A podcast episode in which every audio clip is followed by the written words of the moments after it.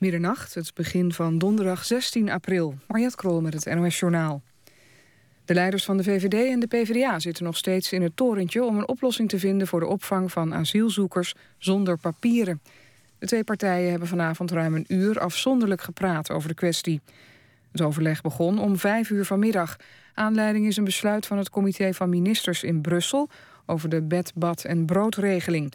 De partijen interpreteren het besluit verschillend en het ligt zeer gevoelig in de coalitie. De VVD is geen voorstander van de regeling, de PvdA wel. Het bestuur van de Tweede Kamer betreurt het zeer dat de reputatie van GroenLinks-Kamerlid Linda Voortman is geschaad. Het presidium schrijft dat in een brief aan Voortman en de Tweede Kamer. Voortman had zich erover beklaagd dat ze door Kamervoorzitter van Miltenburg ten onrechte is beschuldigd van het lekken van namen van kandidaten voor de functie van nationale ombudsman. Afgesproken is nu dat er vrijdag een gesprek komt tussen Van Miltenburg en Voortman. Van Miltenburg zegt dat ze daar alle vertrouwen in heeft. Voortman wilde vanavond dat vertrouwen niet uitspreken. Een man is met zijn mini-helikopter geland bij het Capitool in Washington, de zetel van het Amerikaanse congres. De politie zette de omgeving af en nam de piloot mee voor verhoor. Uit voorzorg ging het bezoekerscentrum van het Capitool tijdelijk dicht. Het helikoptertje wordt onderzocht met een bomdetector. De piloot zou een postbode zijn van 60 jaar die politieke hervormingen eist. In de kwartfinales van de Champions League heeft Barcelona met 3-1 gewonnen van Paris Saint-Germain. Voor Barcelona scoorde oud-Ajaxiet Luis Suarez twee keer... en voor Paris Saint-Germain scoorde Gregory van der Wiel, ook oud-Ajaxiet. FC Porto heeft het eerste duel met Bayern München gewonnen. De thuisclub won, de club won thuis met 3-1 van de Duitsers. Het weer bewolkt, vannacht tussen de 5 en 8 graden. De komende dag af en toe zon, maar ook bewolking en later op de dag mogelijk een bui. De middagtemperatuur ligt van 12 graden in het noorden tot misschien nog 20 in het zuidoosten. Dit was het NOS Journaal. NPO Radio 1. VPRO. Nooit meer slapen.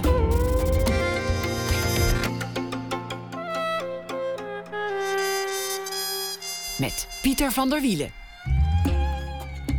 Goedenacht en welkom bij Nooit meer slapen. Straks na één uur een eh, verhaal van Jamal Uriachi... die deze week elke nacht een verhaal zal voordragen.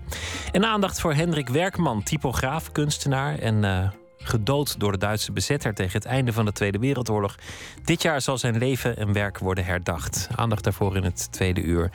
We beginnen met Joop Donkervoort, de bedenker en de maker van De Donkervoort. Want aan de vooravond van de autorij gaan we het hebben over de sportwagen.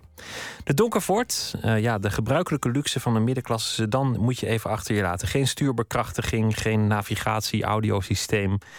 De Donkervoort is meer een uh, speelgoedauto voor volwassenen. 400 pk, een razendsnelle acceleratie. Het oergevoel van een auto, daar gaat het allemaal over. Handgemaakt en uh, ook wel wat duurder dan de middenklasse sedan. Zeker duurder dan uh, een ton. Joop Donkervoort werd geboren in 1949, overwoog de kunstacademie... maar werd bevangen door een andere passie. Snelle auto's. Langdurig verblijf in Engeland en Frankrijk um, gingen vooraf aan uiteindelijk de keuze om zijn levenswerk te maken van de Donkervoort.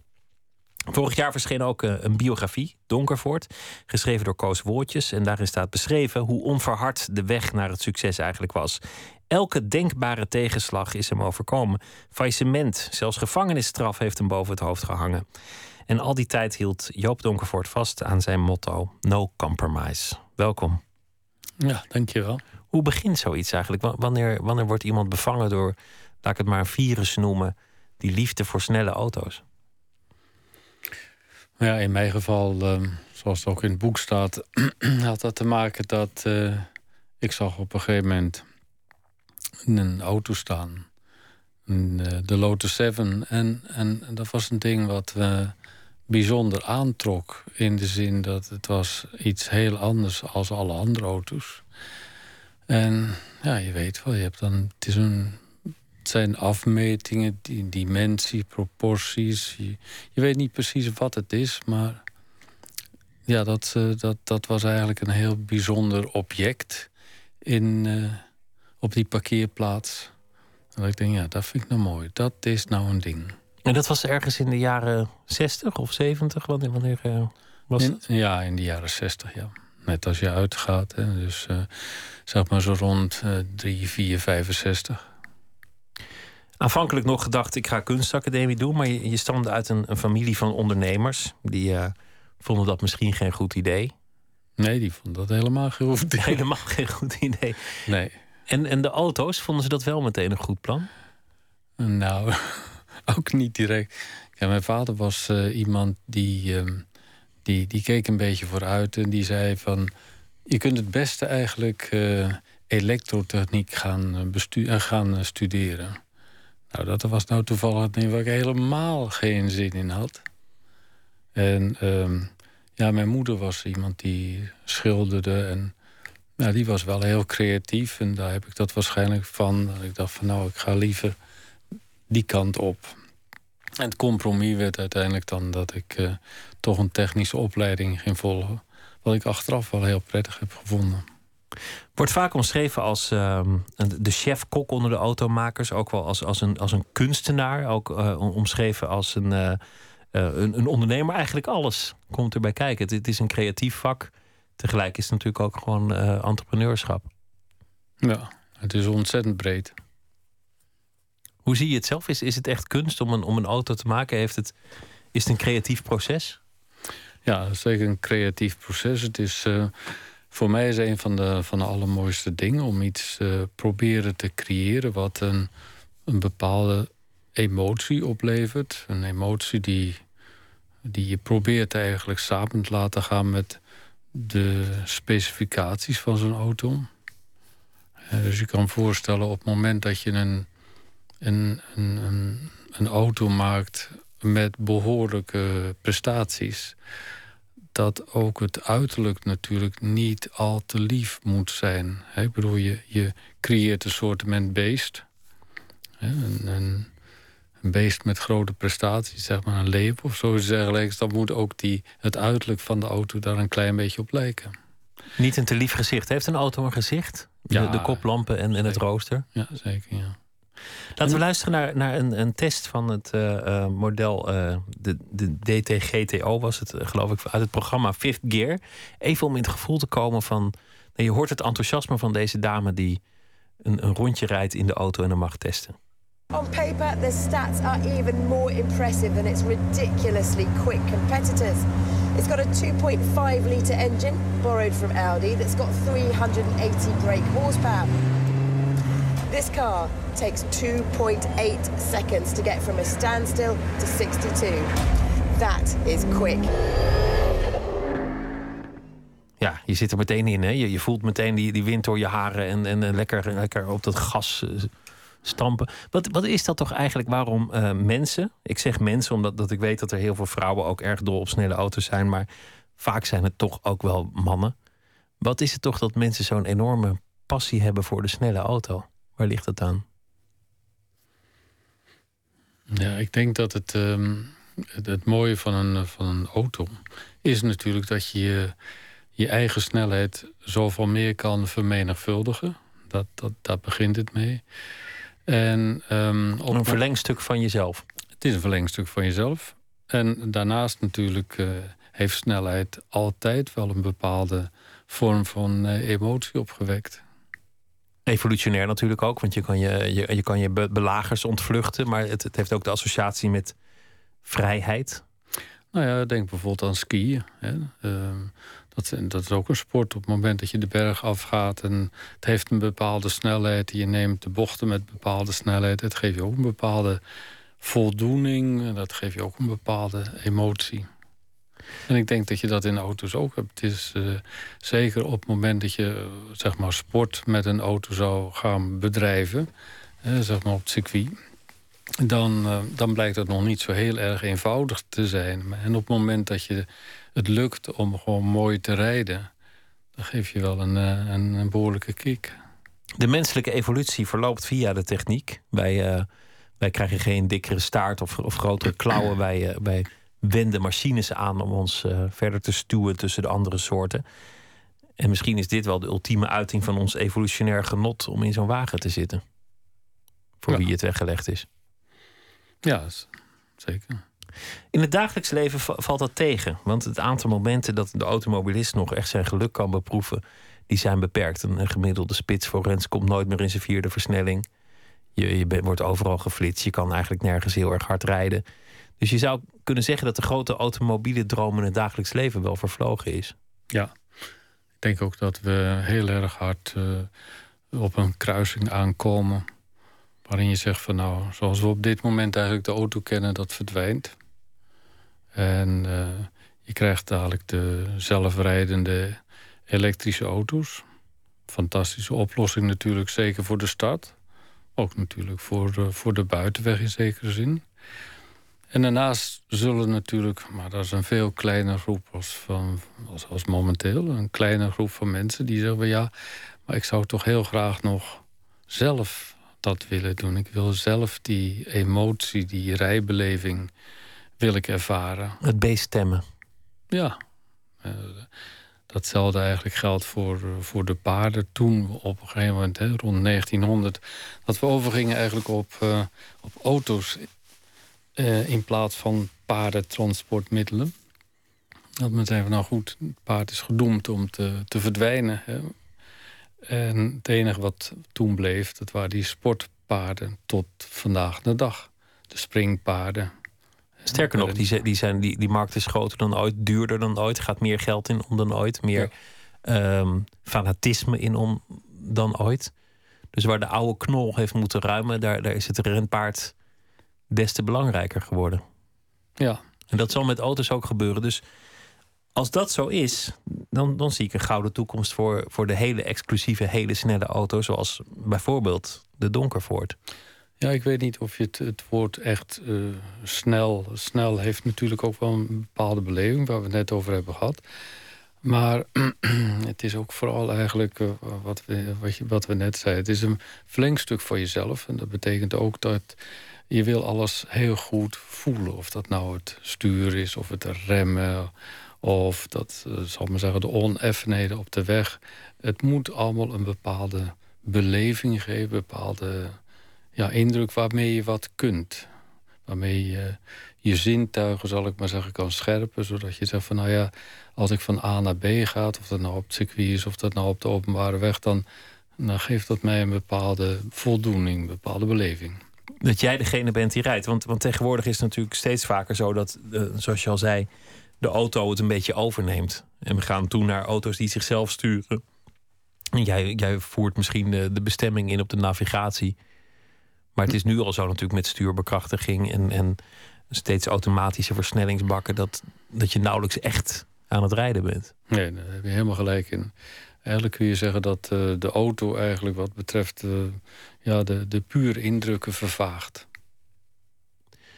Zo niet de Donkervoort. Zelfs geen stuurbekrachtiging, klopt dat?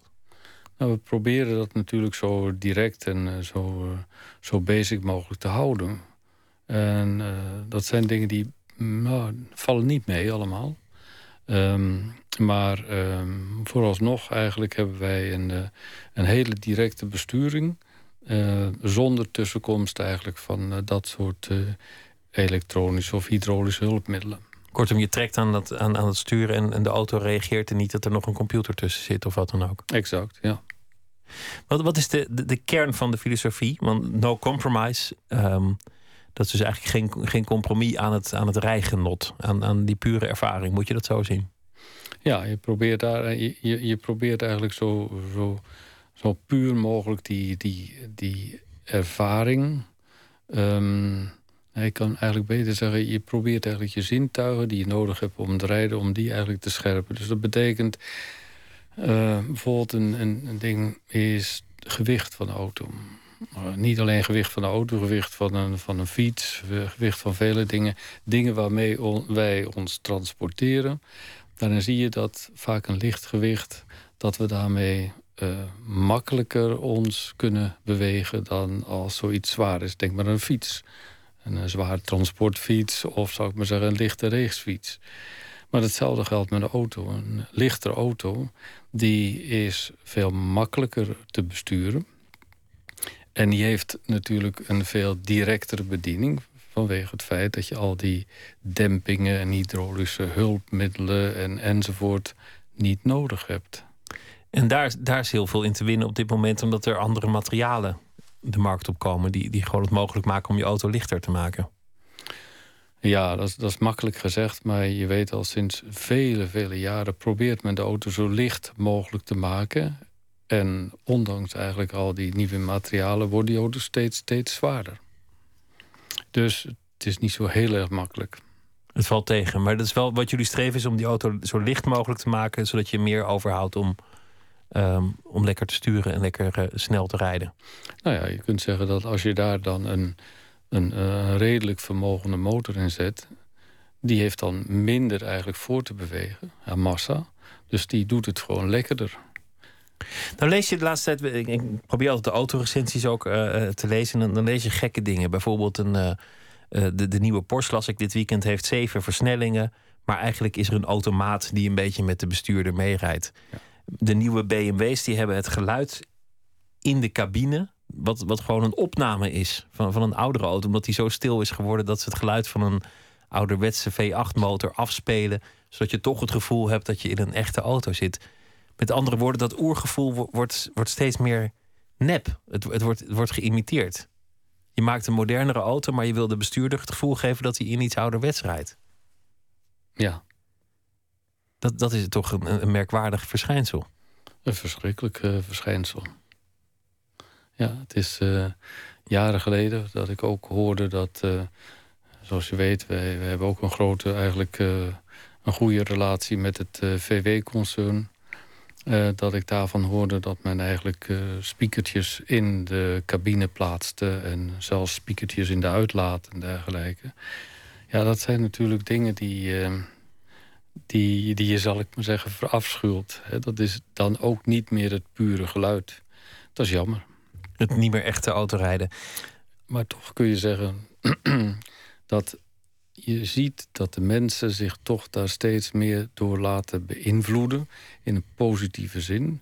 Dus waar je het net over hebt eigenlijk is die, uh, die zogenaamde sequentiële bak. Wat niet veel meer is dan een gewone automaat. Het hele leuke is dat, um, of juist niet leuke kan je zeggen dat... Vroeger een automaat, ja, dat was voor oude heren. Daar ging je dat, dat had geen enkel, uh, zal ik maar zeggen, sportief gevoel.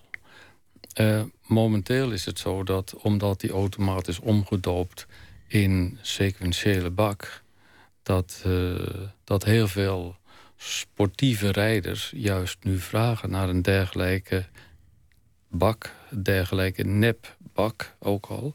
Dus zo, dan, zo, zo word je eigenlijk gehersenspoeld. Dat is heel jammer de, een van de dingen die ik in het boek las was dat uh, over perfectie en imperfectie. Uh, je hebt laten beïnvloeden door grote helden, namelijk de Rolling Stones, de band. Ja. Um, dat ging erover dat, dat te goed, te perfect, is niet meer leuk. Om, om dat oergevoel, waar, dit, waar, dat, waar dat hele donkervoort um, op gebaseerd is, om dat vast te houden, moet je ook streven naar een zekere mate van imperfectie. Hoe heb je dat geleerd van de Stones? Hoe ging dat? Nou, omdat die, die vaak er eigenlijk een zootje van maakte. Zeker live. Ja. ja, zeker live. Maar ook juist eigenlijk die, eh, die live nummers. Zo van, van zo'n ja, geniaal eigenlijk kwaliteitsniveau waren. Dat je hoe is het mogelijk? Hoe, hoe is het mogelijk dat je de ene avond zo kan spelen... en de andere avond zo kunt spelen? En um, daar, daar sprak gewoon verschrikkelijk veel zeg maar, menselijkheid uit... Uh, iets wat je vandaag aan de dag, dat je vaak zegt van nou ja, het is, uh, het is volkomen eigenlijk gerobotiseerd. En waardoor je daar eigenlijk die imperfectie, die menselijkheid eigenlijk niet meer in vindt. Dat... Het is niet meer rock'n'roll eigenlijk als het te perfect is. Ja. En met, met een auto geldt het ook wel. Want, want echte liefhebbers van, van sommige auto's vinden het niet erg als, uh, nou ja, als je auto te heet wordt, als je te lang in de file staat, of als je niet zomaar in één keer naar München kan rijden zonder dat je tenminste één keer moet stoppen omdat er uh, iets met die motor aan de hand is. Echte autoliefhebbers vinden dat niet eens meer erg. Die, die denken dat dat is juist autorijden. Uh, uh, zonder altijd eigenlijk te, te verwijzen naar het verleden. Maar ja, in het verleden natuurlijk vooral als je bijvoorbeeld een motor startte dan had hij even moeite met zijn koude mengsel. Daar liep hij niet al te lekker op.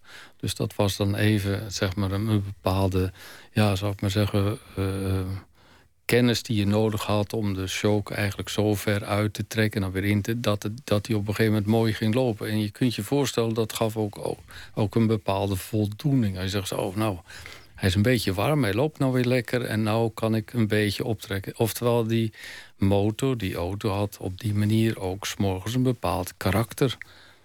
Hij was wat, eh, wat strubbelig in het begin en daarna gaat hij lekkerder lopen. Nu loopt hij niet zo goed of vandaag vindt hij het wat koud of, of uh, nu vindt hij het warm. En nu, nu zie je de file zat, de, de auto praat terug. Ja, of als het mistig was, dan liep hij gewoon heel erg goed. Hè? Zeker wat koudere mist.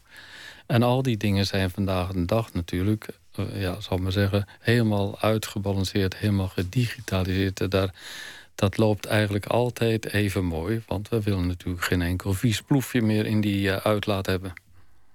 Laten we luisteren naar de, de Rolling Stones. Want uh, grote helden, je hebt ze ook vaak zien optreden. Um, we hebben een nummer gekozen uit 1967 van het album uh, Aftermath. Niet een hele grote hit, maar wel een mooi nummer, I'm Waiting.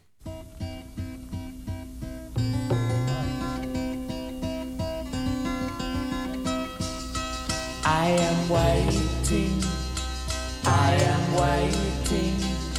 Oh yeah, oh yeah.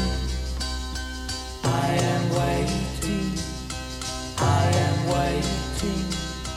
Oh yeah, oh yeah. Waiting for someone to come out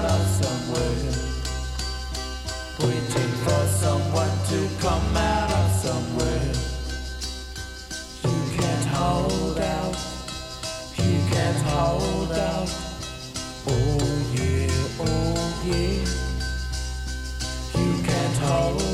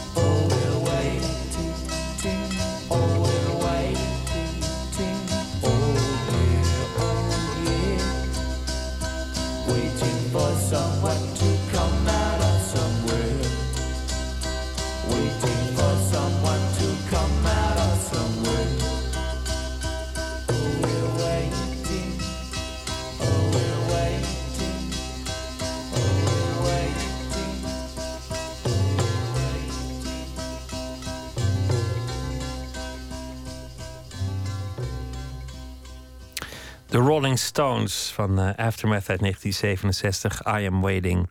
En het waren de Stones die uh, één les uh, gaven aan Joop Donkervoort, die bij mij te gast is.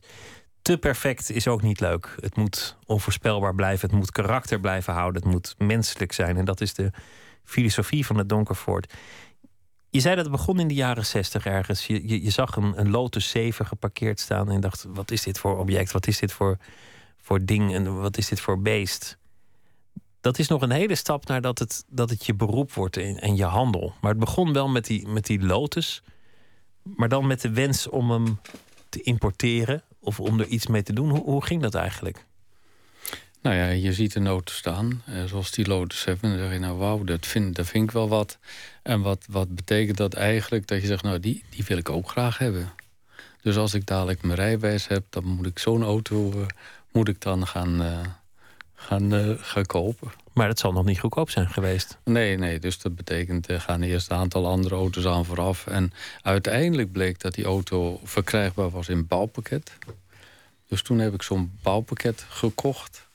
En dat was helemaal eigenlijk uh, aardig. Want um, inmiddels natuurlijk had ik me goed... Ja, had, ja, heb ik die auto gevolgd natuurlijk. Wat is dat voor auto? Wat, wat, voor, wat voor specificaties enzovoort. En ik werd eigenlijk steeds enthousiaster over um, het merk Lotus. Ook over die auto natuurlijk. En ook over, uh, over zijn, uh, zijn directeur uh, Colin Chapman. En wat hij ook deed natuurlijk in de Formule 1. Kortom, dat, dat was een beetje een, een, een, soort van ja, beleving. Zoals we dat ook een klein beetje dan met de Stones ook hebben. Je kijkt ergens tegenop en je ziet dat het een, uh, zeg maar een ruwe diamant is... Die, die van allerlei gekke dingen doet. Zoals die Lotus 7 eigenlijk. Dat was een superlichte auto die ook immense prestaties had. En heel mooi. Zag er ook prachtig uit. En zag er prachtig uit. Die Lotus uit de jaren 60 en 70. Maar een bouwpakket, ja. daar, daar schrik ik weinig van. Want ik, ik heb vroeger wel eens als, als, als jongetje voor mijn verjaardag een, een, bouwpakket gekregen van, van een bootje. En dan moest je een boot in elkaar zetten. En dan zat je met lijm in en zo'n tekening en dat kwam niet goed. En dan uiteindelijk zat, zat de kiel waar de, waar de mast moet en de mast waar één grote ravage laat staan als het een auto is.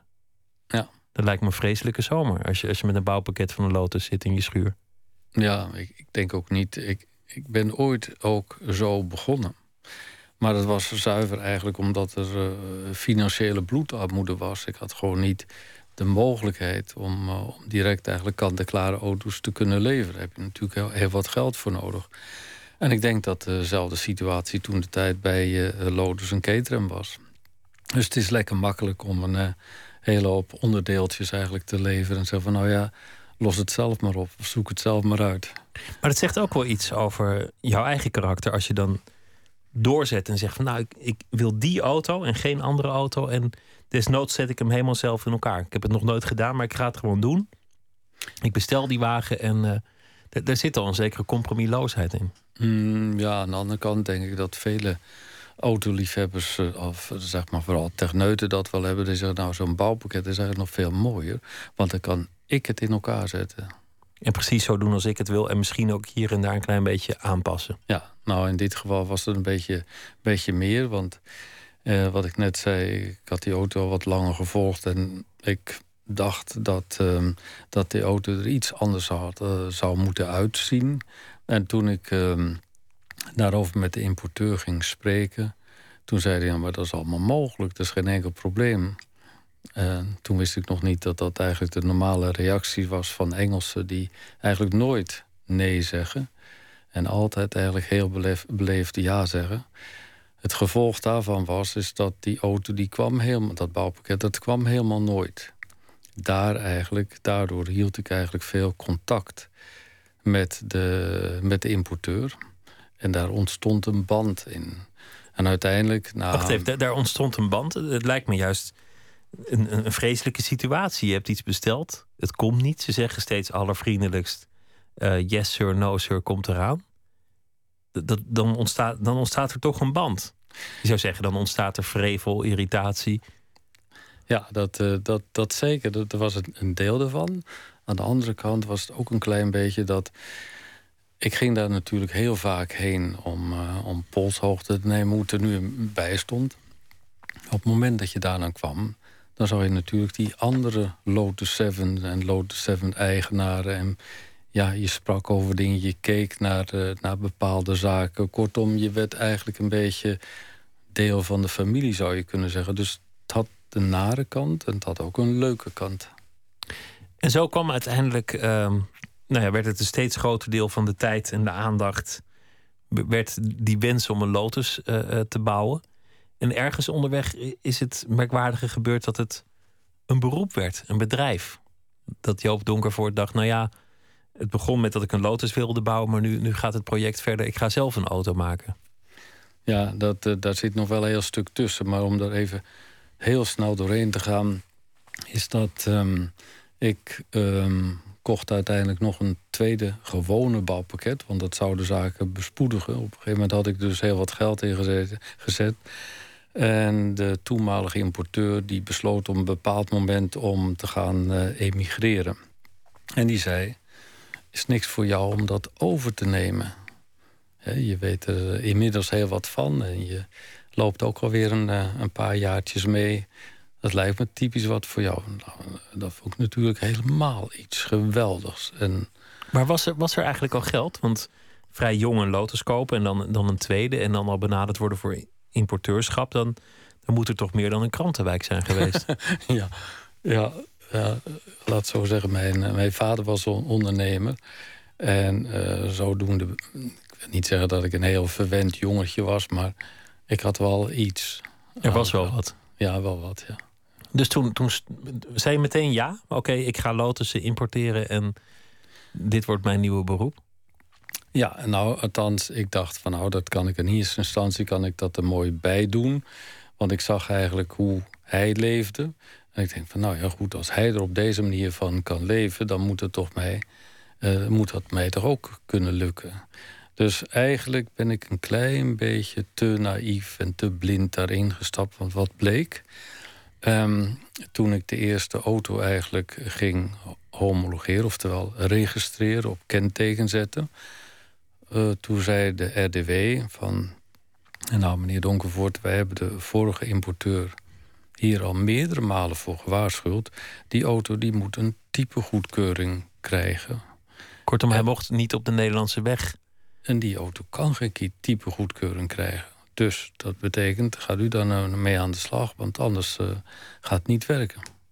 Maar dan is dat waarschijnlijk als hij die, die goedkeuring niet kan krijgen zonder meteen heel technisch uh, te worden, dat er iets is in de wet waarvan de Nederlandse uh, wegbeheerder, de Rijksdienst voor het Wegverkeer, zegt: dat vinden wij gevaarlijk of dat vinden wij niet goed.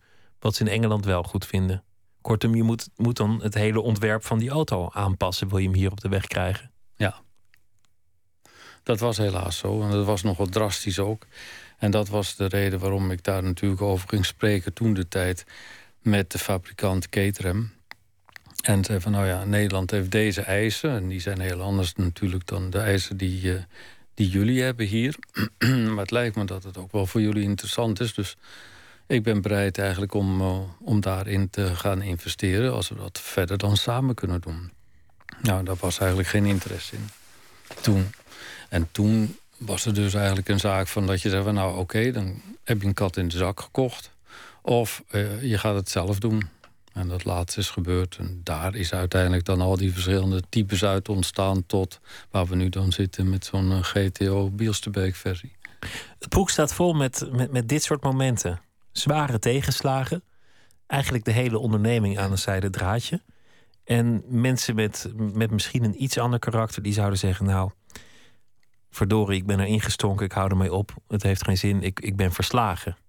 Op, op geen enkel moment gebeurt dat. Sterker nog, het zijn altijd de momenten dat je juist naar voren gaat en juist een stap extra zet. En, en eigenlijk je juist nog dieper in het, in het avontuur stort. Hoe kan dat? Ja, ik denk één, uh, de liefde. De liefde eigenlijk voor het, uh, voor het product. Uh, maar ook tegelijkertijd eigenlijk uh, denk ik dat dit vele ondernemers dit, dit, dit lot treft. Dus ik bedoel, heel vaak is het natuurlijk dat, uh, dat we altijd spreken over de mooie dingen. Maar laten we wel zijn, als je kijkt naar je eigen leven, dat heeft toch ook zijn ups en zijn downs. Zo is, het, uh, zo is het bedrijfsleven natuurlijk ook. En we weten ook dat de hele automobielindustrie, dat is een keiharde business. Dus ja, inderdaad, soms val je op je gezicht en dan sta je weer op. Maar je hebt altijd het idee, en dat is nog steeds zo, dat je iets bijzonders kan creëren. Iets anders als alle anderen. Eh, in jouw ogen dan iets mooiers, iets sneller, iets beters. Iets waar je hoopt dat een bepaalde uh, doelgroep heel blij mee zou kunnen zijn. Waren er mensen in de omgeving, eh, misschien je vrouw, misschien je kinderen, misschien, uh, misschien je vader, die zeiden: Joop, hou ermee op, je bent verslagen? nee, ik denk dat ik heel blij mag zijn met, met mijn vrouw, die dat in ieder geval nooit heeft gezegd. En altijd daar volledig achter is blijven staan. Dat zijn een van de mooie dingen, inderdaad. Want het, het geestige is dat het ook af en toe heel menselijk wordt, maar, maar daarover straks. De tegenslagen, uh, de fiscus, een jarenlange zaak. Uiteindelijk vrijgesproken op alle punten, maar de, de eis was zelfs een onvoorwaardelijke gevangenisstraf van een jaar. Wegens nou ja, iets, iets met, met, met de BPM. Uiteindelijk is dat een zaak die je gewonnen hebt. Um, toeleveranciers die, die de motor leverden of zeiden te leveren, of, of, andere fabrikanten waar je een nauwe connectie mee hadden, die een nieuw bestuur kregen en zeiden: Nou ja, dat project Donkervoort, dat, dat is niet meer onze prioriteit, daar houden we nu mee op. Uh, crisis, economische crisis, de een na de ander eigenlijk. Zo kan ik eigenlijk nog wel een tijdje doorgaan. Het zijn, het zijn zware tegenslagen die er zijn geweest. Ja. En wat me interesseert om, om te lezen in het boek is dat het dan heel menselijk wordt. Het komt uiteindelijk ook neer op nou ja, één iemand bij Porsche die je gunstig gezind is. Of één iemand bij Audi met wie het klikt. Of één ambtenaar die, die gewoon het denkt van... nou ja, dit wordt mijn missie om, om die donker voor te stoppen... want ik, geloof er niet in. Dat, dat het heel menselijk is eigenlijk. Het zijn gewoon mensen die je in de ogen kunt kijken. Ja, ja als je het hebt over, die, uh, over dat, uh, dat uh, belastinggeval... is inderdaad zo dat je we hadden in die, in die tijd eigenlijk um, hadden te maken dat, dat Audi zich heel sterk voor ons interesseerde. En ook daarin wilden participeren. En op dat moment eigenlijk worden hele grootste plannen worden gesmeed. En ook ten dele eigenlijk uitgevoerd. En dan begrijp je, dan is dat, dat eigenlijk weer voor een belastingdienst die zegt: joh, wat is daar aan de hand? Hè? Hoe kan die man in één keer zulke stappen maken? we moeten daar toch eens een kijkje gaan nemen. Nou, en ehm, ik had die man uh, gewoon gezegd van... nou, hier is een kantoor voor u. Um, ga gewoon je gang. En, uh, hier zijn de boeken, hier is een tafel. Ja. ja. Nou ja, op het moment dat zo'n man dan eigenlijk iets vindt... waarvan hij denkt van nou, dat zou wel eens eventjes uh, helemaal mis kunnen zijn... Nou ja, dat vertelt hij dan niet, maar daar gaat hij dan verder op door. En uiteindelijk heeft dat uh, dan dit allemaal tot gevolg gehad. Waarin je dan achteraf zegt, goh, hè, het was een, toevallig eigenlijk een medewerker... Die, uh, die zal ik maar zeggen een fout had gemaakt. Een verschrijving, begreep het niet helemaal. En uh, daarop is dan verder doorgeborduurd. Dan zeg je, ja, dat is jammer. Heel jammer, want het kost je natuurlijk in de jaren na heel wat energie... om dat allemaal te weer, weer te weerleggen. Uh, terwijl zo'n man eigenlijk is waarschijnlijk een beetje met een bepaald soort van jaloezie. Uh, dat heb je wat meer bij anderen ook gezien, die, eh, die dan op een gegeven moment. Die, die moeten dan eigenlijk hangen. Want daar, daar hebben ze dan eigenlijk hun zinnen op gezet. Dat, dat is jammer, dat kost heel veel tijd en heel veel energie. Maar ook gek, dat, dat soort dingen, ook, daar kom je ook weer sterker uit. Is dit het dieptepunt geweest, in die, uh, die periode? Nou, niet echt. Wel het begin daarvan, omdat het viel uh, samen eigenlijk met de dood van mijn moeder. Dus dat is dan een, een tijd waar, uh, waar je toch al moeilijk hebt. En op het moment dat je dat, dat bovenop krijgt, natuurlijk, daar word je niet helemaal blij van. Eind goed, al goed, want op alle punten gelijk gekregen van de rechter. Die, die zei eigenlijk ook van, nou, dit is niet zoveel aan de hand. Dus uh, daar leggen we ons bij neer dan. Dat uh, bedoel, ik ga ook niet de hele boekhouding voor, uit voorbereiding voor zijn interview controleren. Dus ik leg me neer bij wat de rechter zegt. En die zei niks aan de hand.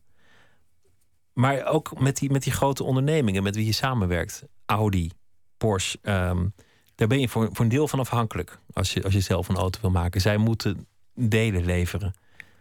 Hoe persoonlijk is dat?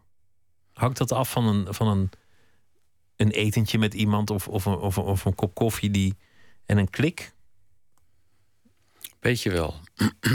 het, uh, het, het is helaas zo dat uh, De auto is natuurlijk uh, zo onderhevig aan allerlei reglementen dat de, de motorisering daarvan uh, dat het een zeer gespecialiseerde job is. Uh, dat, dat zodanig gespecialiseerd dat wij als kleine ondernemer onmogelijk onze eigen motoren kunnen maken.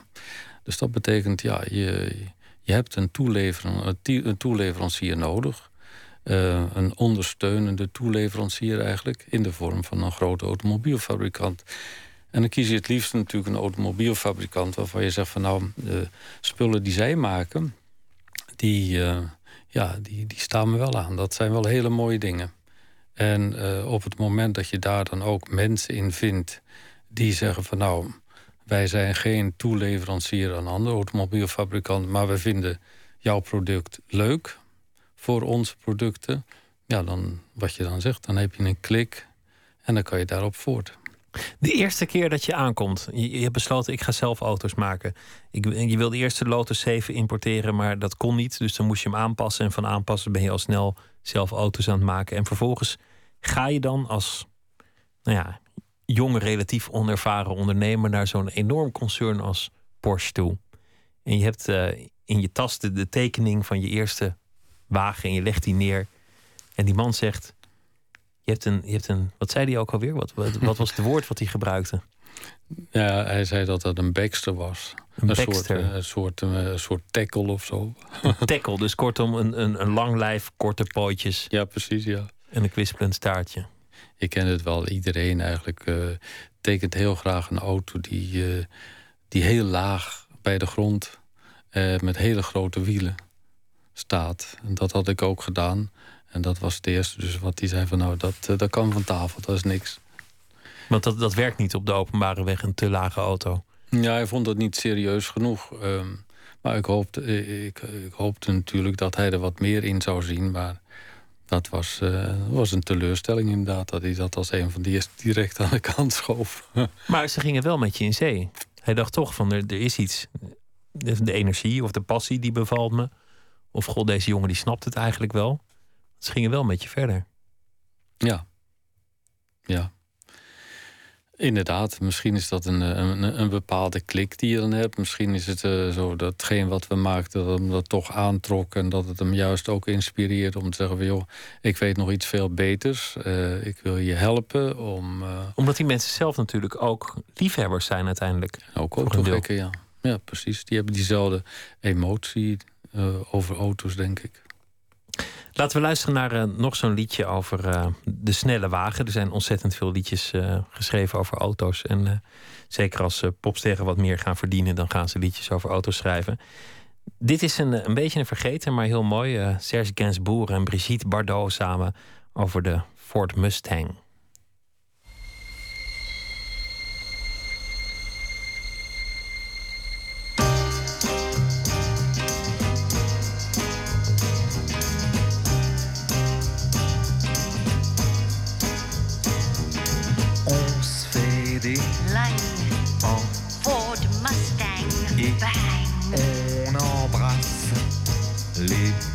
À gauche, à droite et à gauche à droite.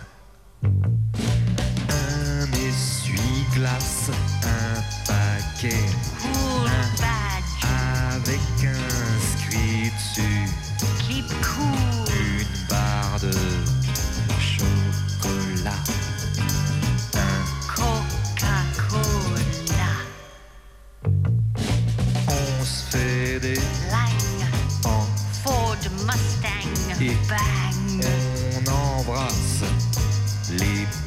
uh,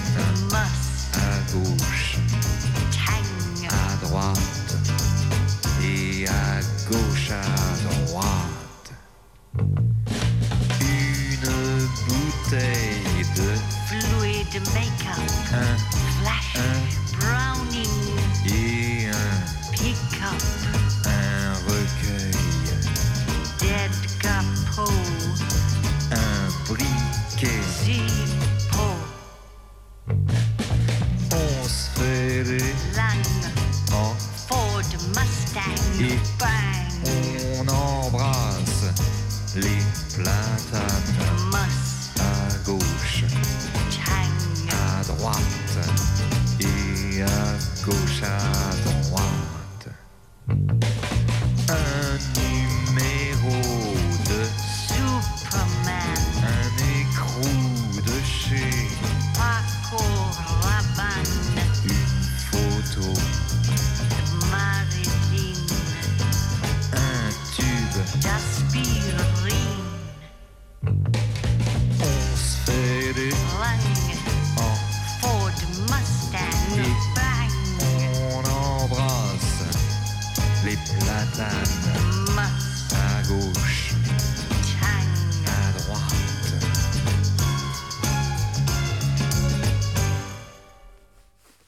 Serge Gainsbourg en Brigitte Bardot, 1967. Ze waren ook nog verliefd op elkaar en op de auto, de Ford Mustang. Joop Donkervoort zit eh, tegenover mij. We hebben het eh, gehad over snelle auto's, de, de passie voor de snelle auto. Wat is dat toch dat mensen houden van de snelle auto, het beest dat ze willen temmen, de obsessie met snelheid. Je vergeleek het met een paard, Ehm, de wet van het paard. Het eh, paard ging eruit, maar de snelle paarden werden juist populairder. Zo zal het met de auto ook gaan. De automobiele droom is misschien vervlogen, maar juist dat oergevoel, die snelle wagen.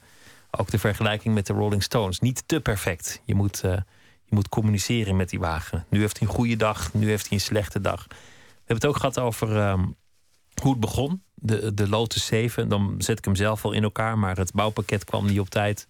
En zo ontstond een contact met de importeur, die uiteindelijk zei: Nou ja, waarom ga jij hem niet importeren? En toen kwam de Rijksdienst voor het Wegverkeer. Die zei: Je mag hem niet importeren, want hij mag niet de Nederlandse weg op. Nou, dan moet je het ontwerp aanpassen. En zo werd het een bedrijf te Donkervoort. Een bedrijf met heel veel tegenslagen. Onder meer de fiscus, uh, onder meer uh, andere fabrikanten die toeleverancier waren en toch weer van koers veranderden. En natuurlijk uh, de gebruikelijke financiële problemen die bij een bedrijf samenhangen. Maar er is nog één aspect waar we het helemaal niet over gehad hebben, namelijk het echte racen. Want dat is iets wat op een zeker ogenblik erbij kwam om zelf in een auto te zitten op een circuit en weg te stuiven. Is dat iets wat je nog steeds doet zelf? Ja, alleen uh, zeg maar in, uh, in, in mindere mate dat ik, uh, dat ik mooie tijden kan zetten. Dat is dan meer iets voor mijn zoon. Um, maar ik vind dat nog steeds heel erg leuk. En dat kan je voorstellen, dat is, dat is ook heel erg nuttig. Omdat uh, op het moment dat je een, een snel rondje kan zetten... Uh, betekent dat ook automatisch, vrijwel automatisch... dat nooit is een rondje perfect. Het kan altijd beter, het kan altijd sneller. Het ligt aan jezelf, maar het ligt soms ook aan de auto. En dat zorgt ervoor dat je dan zegt van nou... ik ga nu proberen om die wielophanging een klein beetje zo en zo te verbeteren. Of die schoktemper of die veer of wat dan ook. Of het turbogat, daar hoor je altijd over, het turbogat. Ja, precies, ja. Ik weet niet wat een turbogat is, maar je wil volgens mij geen turbogat. Dat klinkt helemaal niet goed. Nee, dat willen we niet. het is ook iets wat je, wat je moet leren. En um, het is volgens mij meer dan eens gebeurd dat je wegstoof... en, en merkte even later dat die auto opgevouwen in, in, de, in de zijkant hing. ja, ja, er zijn wel eens wat dingetjes gebeurd, inderdaad. En ook wel eens dingen die, uh, die achteraf zegt... nou, ik heb geen flauw idee hoe dat nou gebeurd is. Dat kan ik me één keer herinneren. Dat was bij een, uh, de start van een, um, van een, zeg maar een, een, van een raceveld... met een hoeveelheid auto's. En dat tijdens die start in één keer... dat mijn auto eigenlijk links de vangrail in ging. Achteraf eigenlijk heb ik niet voldoende gemerkt door het geluid van alle andere auto's dat mijn wielen slipten. En dus de, de, de boel doordraaide. Maar dat, dat door, door de immense geluidsexplosie van, van alle auto's had ik dat gevoel. Ik, ik wist dat niet. En, en in één keer eigenlijk uh, slipte de zaak zo uit de hand dat ik in de vangrail stond. En uh, dat was natuurlijk een verschrikkelijk na moment. Dat, uh, dat herinner ik me nog als de dag van gisteren. Omdat ik eigenlijk niet durfde uitstappen. Omdat al die mensen stonden natuurlijk te kijken. Zaten op de tribune. En dan staat er één zo'n auto natuurlijk. Die staat al direct bij de start in de vangrail. Hoe stom kan je zijn, zal hij Dus vol schaamte eigenlijk uh, heb ik daar de hele tijd in die auto gezeten. Maar dat zijn, dat zijn fikse snelheden. Ik bedoel, je, je kan er ook met, met een, een, een lelijk uh, litteken uitkomen of, of erger. Ja, val wel mee hoor. En natuurlijk een, een auto. Ik zei aan het begin zeker een ton. Uh, maar een, een beetje, beetje Donkervoort kan ook wel tegenwoordig twee ton kosten. En als je, als je hem op het circuit zet, dan zet je daar niet, niet de traagste neer. Dus, dus ook een, een, nou ja, een belletje naar de boekhouder, denk ik. Als dat gebeurt. Ja. ja. dat is zo, inderdaad. Hoeveel auto's heb je, heb je in de loop van je leven gecrashed? Ik zelf? Ja. Nou, het zijn meestal kleine crashes. Zijn dat, uh... nou, Gewoon een paaltje bedoel je? Nou, ja. Ach, op een gegeven moment tel je dat niet meer zo. Hoor. Dat uh, gebeurt wel eens een keer dat je... Ik vond ook op een bepaald moment, zeker waarop je doel... dus eigenlijk de, de Donkervoort Cup, de race-serie die we hadden... waar ik in het beginjaren ook in meedeed. Ik moet je zeggen, ik vond op een gegeven moment eigenlijk al die kleinere deukjes die je natuurlijk hebt. Van iemand die achterin je rijdt. Of dat je misschien toch weer net de, de vangrail hebt uh, geraakt. Of een pionnetje of een ding. Daar vond ik weer een auto mooier van. Oftewel, Net als de Rolling Stones, die, die zijn ook mooier geworden naarmate ze lelijker werden. nou ja, je, je ziet in ieder geval dat er wat met die auto gebeurd is. Die, die heeft een leven, die, die uh, ja, ik vond er wel wat hebben. Is het belangrijk om ook races te rijden met zo'n auto om, uh, om de liefhebber aan te spreken? Zou het, zou het merk niet compleet zijn als jullie niet zelf races organiseerden en niet zelf af en toe op een circuit die auto's uh, flink tekeer lieten gaan?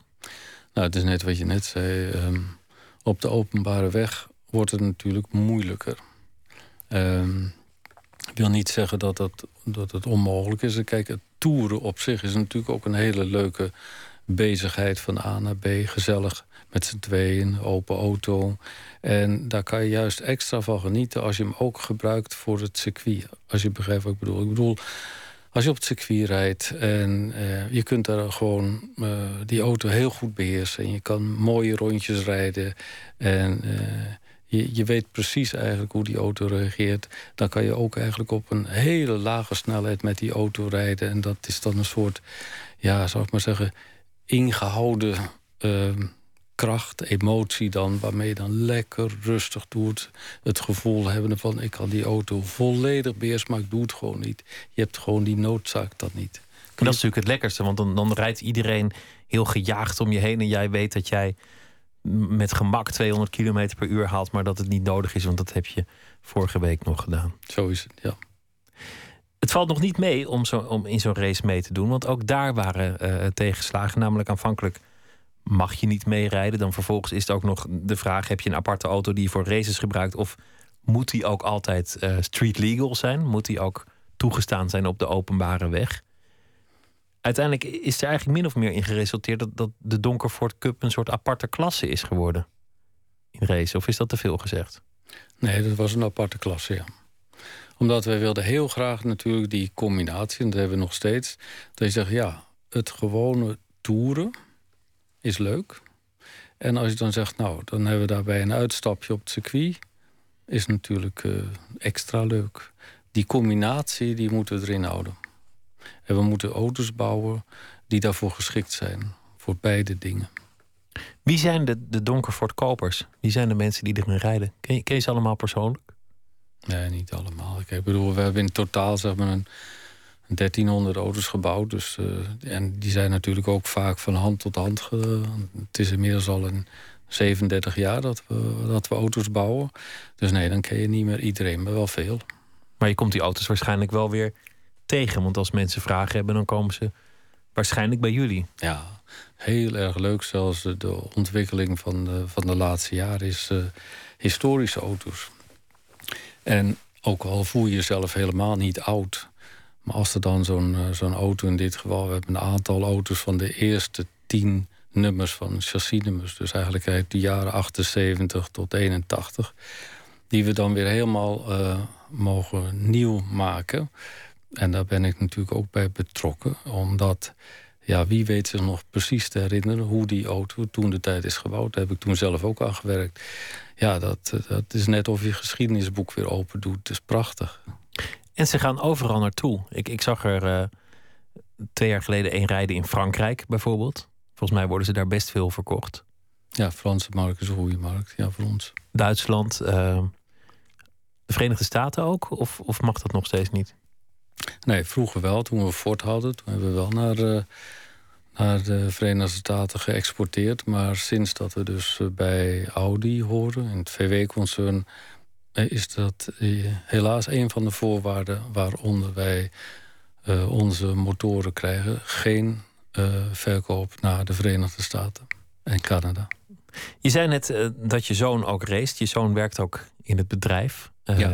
Je vrouw werkt ook mee aan het en mijn dochter ook. En je dochter ook. Het is, het is eigenlijk een familiebedrijf uh, geworden. Ja. Hebben je ouders het, het nog meegemaakt, het, het, succes? Heeft je vader nog ooit kunnen zeggen van nou, je hebt het toch goed gedaan? Uh, ja, uh, herinner ik me wel een, een emotioneel moment eigenlijk... dat die een keer tijdens de Donkerwoord Cup op Zandvoort eigenlijk kwam. En ehm, dat, dat hem dat eigenlijk heel erg emotioneerde. Dat, ja, dat een eigen raceklasse was. Dat was, we, we zijn die, begonnen, die raceklasse, in 1993... En hij is in 94 overleden. Dat was uh, kort voor uh, zijn overlijden. Heeft hij toch nog meegemaakt? En ja. toch nog kunnen zeggen: jongen, aanvankelijk dacht ik: wat ga je nou doen? Ik weet niet of ik het een goed idee vind, maar je hebt het goed gedaan. Ja, dat uh, gaf me zo'n gevoel een beetje, ja. Het is je levenswerk geworden, toch ineens? Ja, dat heeft hij ook altijd gezegd: van jongen, waar begin je aan? Want dit is geen, geen gewone onderneming. Dit, dit is een levenswerk. En dat is ook zo gebleken. De, de Donkervoort is, is je levenswerk zo aan het eind. Ja. Je levenswerk zijn. Nou, dat is het, ja. Wat is, wat is nu het, het belangrijkste? Het, toch nog het tekenen, waar, waar het eigenlijk mee begon. Het, het nadenken over ja, waar komt de tank, waar komt de gaspedaal, waar komt. Uh... Ja, ik vind dat zelf een van de allermooiste dingen. En vooral de, de laatste, zeg maar, uh, tien jaar of zeven jaar eigenlijk heb ik daarin uh, veel meer hulp als vroeger. Ik werk heel graag samen eigenlijk met uh, de ontwerpers die we hebben. Um, Jordi Wielsma en Roel Grote. Met die samen eigenlijk maken we dan nieuwe auto's. Ik schets en zij tekenen in CAD op de computer. En via, dat, via de computer natuurlijk kun je allerlei dingen heel gemakkelijk weer uitvrezen. Waardoor je dan ziet wat je hebt uh, gemaakt. Het was anders als vroeger, waar je dat altijd natuurlijk dan met, met klei en met schuim en dat soort dingetjes helemaal met de hand moest doen. Je zei, hij moet er ook krachtig uitzien. Je, je zei ergens ook, als je een auto tekent, dan teken je afhankelijk ook als een kind een soort tackle. Twee wielen en dan, en dan iets laags ertussen. Is dat nog steeds hoe het begint als je, als je een auto tekent? Begin je bij de wielen of begin je bij, bij, de, bij de romp? Hoe gaat dat? Nou ja, dat uh, van die tackle en zo, dat, dat begrijp je, dat was een immense slag die ik toen uh, kreeg van uh, die meneer Lapien. Ja, dat is geen compliment. Dat is geen compliment. En meneer Lapien was een legende in het vak. Ja. ja. Dus ik heb dat ook direct afgeleerd. Ik zei, nou, ik ga nooit meer een tackle bouwen. Dus, en, en dat is eigenlijk wat ik ook tegen mensen die nu bij ons eigenlijk komen solliciteren voor autoontwerpen, dat ik dan ook heel goed kijk of die ook geen tackle heeft gemaakt. In ieder geval, wij doen dat niet. Als je begint met een auto, dan um, begin je eerst uh, natuurlijk om, om een aantal eigenschappen neer te zetten. Op die eigenschappen betekent dat je een bepaalde motorplaatsing of zeg maar een motor die bepaalde afmetingen heeft. Kortom, je kunt je voorstellen dat je krijgt binnen een raamwerk een aantal items die uiteindelijk in die vormgeving moeten gaan passen. En dus dan ga je eigenlijk rondom die componenten ga je eigenlijk een vorm maken. En uh, tegelijkertijd, zoals we net al zeiden, heb je ook die auto op bepaalde eigenschappen toegedicht. En die eigenschappen die moeten ook weer in het uiterlijk en het innerlijk uh, uh, naar voren komen. Hij moet er ook snel uitzien. Ik wens je nog heel veel succes met alle auto's die je gaat maken, alle auto's die je gaat bereiden en presenteren. Joop Donkervoort, dankjewel dat je te gast wilde zijn. Dankjewel. Mag ik nog heel even de groeten doen aan één iemand? Ga je gang. Rita Gobers, ik weet dat ze luistert en ik vind het heel leuk dat ze dat doet. Ik wens ze dan van hieruit lekker welterusten. Tot gauw. Dankjewel. dat is aardig. Dankjewel. Dankjewel. En heel veel succes met, uh, met alle auto's en al het rijplezier. Joop Donkervoort, dankjewel. Dankjewel. Zometeen uh, gaan we verder met uh, Nooit meer slapen. Gaan we het uh, onder meer hebben over Hendrik Werkman. En u krijgt een verhaal van Jamal Uriachi. Twitter, het VPRO NMS of via de mail nooitmeerslapen.vpro.nl.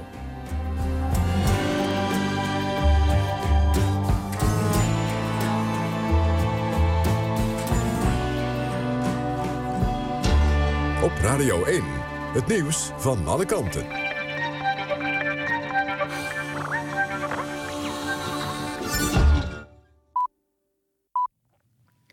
1 uur, Mariette Krol met het NOS-journaal. Amsterdam, Den Haag en Utrecht gaan voorlopig door met de bed, bad en broodopvang voor asielzoekers zonder papieren. De Amsterdamse burgemeester Van der Laan zei bij Nieuwsuur dat hij het humanitair en verstandig vindt om die opvang te blijven bieden. De discussie over bed, bad en brood leidde de afgelopen dag op door een resolutie van het Comité van Ministers van de Raad van Europa. Het comité zegt dat Nederland ook opvang moet bieden aan mensen zonder papieren, maar is er vaag over of dat echt voor alle asielzoekers geldt. De uitspraak wordt daardoor verschillend geïnterpreteerd, ook door de coalitiepartijen VVD en PvdA. Die voeren al de hele avond overleg en zijn nu nog in het torentje van premier Rutte. De zaak ligt gevoelig in de coalitie. De VVD is geen voorstander van de regeling, de PvdA wel. De groep uitgeprocedeerde asielzoekers die maandag uit de Amsterdamse vluchtgarage werd gezet, slaapt vannacht in een gekraakt kantoorpand in Amsterdam-West. De ongeveer 80 illegalen hebben de afgelopen dag opnieuw gedemonstreerd. De groep vindt de bed, bad en broodregeling niet genoeg, omdat ze dan alleen s'nachts een dak boven hun hoofd hebben. Duitsland gaat de bewaarplicht voor telecomproviders opnieuw invoeren. Aanleiding zijn de aanslagen in Parijs in januari. De regering wil dat belgegevens en IP-adressen van computers worden bewaard en locatiegegevens van mobiele telefoons. Het gaat alleen om metadata, zoals het tijdstip van een telefoongesprek, niet om de inhoud ervan. Bij een aanslag op een VN-basis in Mali zijn drie burgers omgekomen en negen VN-militairen uit Niger gewond geraakt. Ook zeven burgers raakten gewond. De aanslag was in Ansongo, ongeveer 100 kilometer ten zuidoosten van Gao. Daar zijn 450 Nederlandse militairen gelegerd. Het weer, het is bewolkt. Het wordt vannacht 5 tot 8 graden. De komende dag af en toe zon, ook veel wolken en later op de dag mogelijk een bui. Het wordt dan 12 graden in het noorden tot maximaal 20 in het zuidoosten. Dit was het NOS Journaal. NPO Radio 1. VPRO. Nooit meer slapen.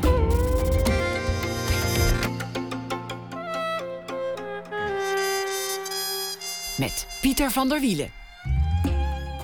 U luistert naar Nooit meer slapen. Jamal Uriachi is uh, schrijver, debuteerde in 2010 met de roman De Vernietiging van Prosper Morel. En daarna kwam het uh, boek Vertedering in 2013. Deze week zal hij elke nacht een verhaal voordragen dat hij uh, op de dag geschreven heeft. Goedenacht, Jamal. Hey, hallo Pieter. Vertel eens over de afgelopen dag. Um, ja, divers dagje. zoals eigenlijk de afgelopen dagen al gaat het nog steeds over het, uh, het, logo van de verkiezingscampagne van Hillary Clinton. Ik zag dat uh, NRC Handelsblad op hun website daar ook een groot overzichtsstuk over uh, hadden geplaatst. En ik heb daar een, daar een kort verhaaltje over geschreven. Wil je het meteen voordragen? Ik ga het meteen voordragen. Ga je gang. Wie is er verantwoordelijk voor het logo? Ben jij verantwoordelijk voor het logo? Iedereen met een beetje politiek verstand is het donder had dit kunnen zien aankomen. We hadden afgesproken dat het logo progressief en modern moest zijn. Een frisse uitstraling. Wat krijg ik? De hele dag telefoontjes van over de hele wereld. In Iran dreigen ze de onderhandelingen over het atoomprogramma af te breken. Boko Haram, Al-Qaeda en IS hebben nieuwe aanslagen aangekondigd vanwege het logo. Duizenden bootvluchtelingen hebben zichzelf in de Middellandse Zee gestort toen ze berichten hoorden over het logo. President Poetin heeft de diplomatieke betrekkingen met de VS bevroren zolang het logo niet gewijzigd wordt.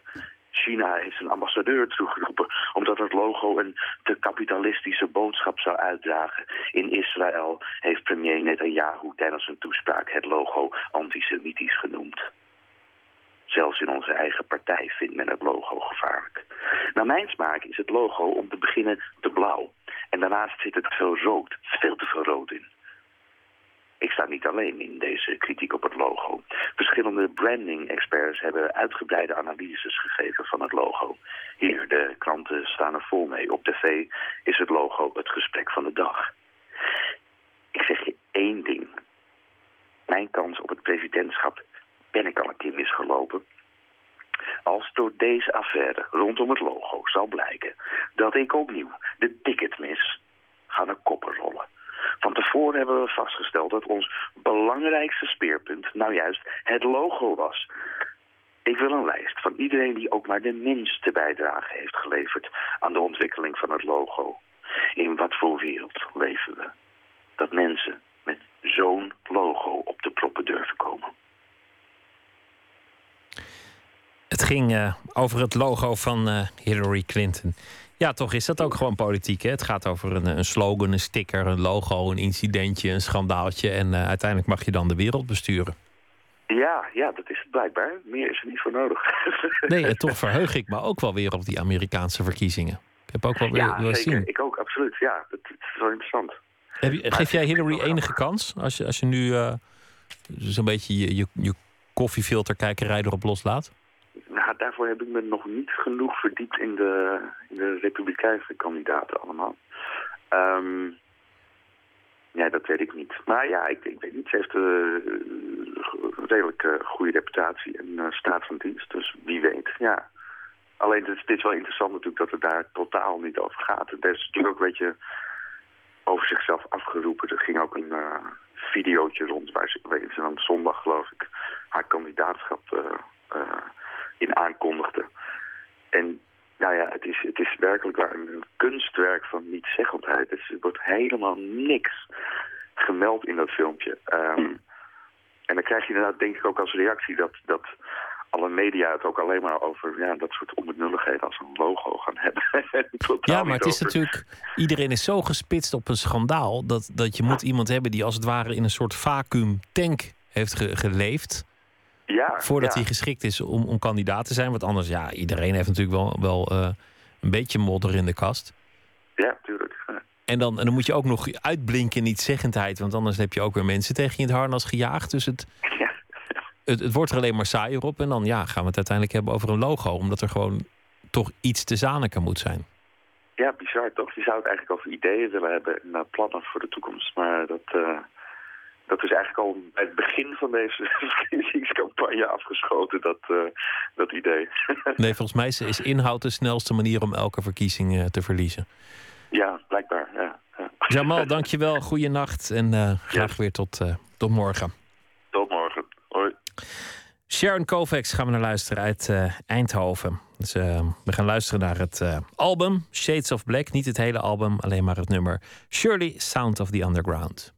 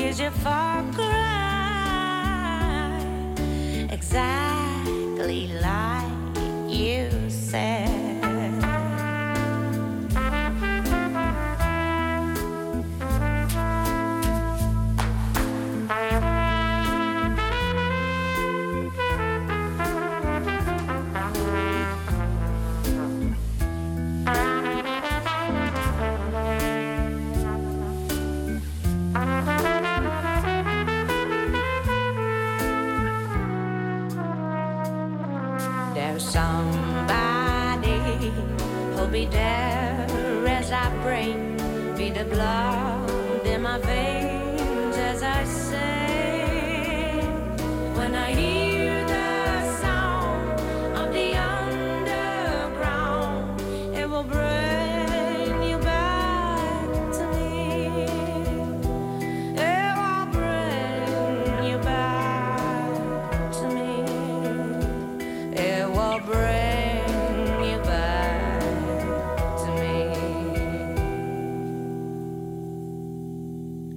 Dat was Kovacs met het nummer Shirley, Sound of the Underground. Nooit meer slapen. 2015, eh, het jaar van het schaap, het jaar van het licht, maar ook het jaar van de bodem, bedacht de FAO, de Voedselorganisatie van de Verenigde Naties. Lotte Sluiter is programmamaker van het tijdschrift One World. En zij heeft om ons allen te doordringen van het belang van een gezonde bodem een beroep gedaan op eh, vormgever en acteur Tom Veldhuis. En op bodembewoner bij uitstek, ons aller vriend, de worm. Nou, die eh, Veldhuis heeft eh, wormenhotels gemaakt. Vanaf volgende maand worden die geadopteerd door zes grote Amsterdamse hotels, waaronder het Amstel en het Barbizon. En die nieuwe hotelgasten, de wormen dus, krijgen restjes uit de keuken van deze chique hotels. En ze maken daar dan weer compost van. Nou, de wormenhotels zijn helemaal klaar, wachten ergens diep onder de grond in een kelder op de nieuwe bewoners. Matthijs Deen die zocht de ontwerpers Lotte Sluiter op. Nou ja, nog blijven, dat is wel leuk. Dit zijn ze. Elk hotel heeft dus zeg maar net een ander eh, type raam en een ander wormpje erbovenop. Hier is bijvoorbeeld voor Amstel met een hoge hoed. Deze is voor het Volkshotel. Die hebben zelf ook een hot tub op het dak. Deze is voor Mediamatic. Lotte Sluiter voert me mee naar de kelder onder Pakhuis de Zwijger in Amsterdam, waar de wormenreplica's van de hotels in het duister staan te wachten op onthulling. En de laatste die staat nu omgekeerd, maar dat is een wormpje. Dit is eigenlijk een van de leukste met een grote koksmuts. Ja. Die is van NH Barbizon Palace. En eh, zij hebben ook restaurant Vermeer onder in hun hotel. En zij koken met groenten van hun eigen dakterras. En daar komt het. Lotte is een food guerrilla. En dat is dan weer een strijdbare naam voor meer dan 100 samenwerkende clubjes van mensen die zich zorgen maken over de manier waarop er wijd en zijd met voedsel wordt omgesprongen. zijn voor hoe zij een kringloopje sluiten. Eigenlijk is het alleen de gevel van het hotel en die is gemonteerd op een karretje en daarachter komt dus een soort compost. eh, Ja, er komt eigenlijk een compostvat op te staan waar wormen in leven. En eh, eh, wormen zorgen ervoor dat de, dat de composthoop versneld wordt eigenlijk. Dus Hmm. het is een versneller. En die eten kliekjes. Die houden ontzettend van ons afval. Van eh appelkroosjes, van koffiedik, van koffiezakjes, theezakjes. Die kunnen wij erin gooien en zij maken daar eh, perfecte compost van. Oké, ja. Even kijken hoe we dat handig doen. Misschien moeten we deze eerst even helemaal uit. De maker van de hotels, Tom Veldhuis, repeteert op ditzelfde moment aan de andere kant van het land op een kindervoorstelling over de reuzenperzik. Gebaseerd op het boek van Roald Dahl. Ja, klopt. Het is een beetje een duizendpoot. En eh, die eh, acteert ook onder andere. Hij speelt nu in een stuk waarvoor hij aan het repeteren is.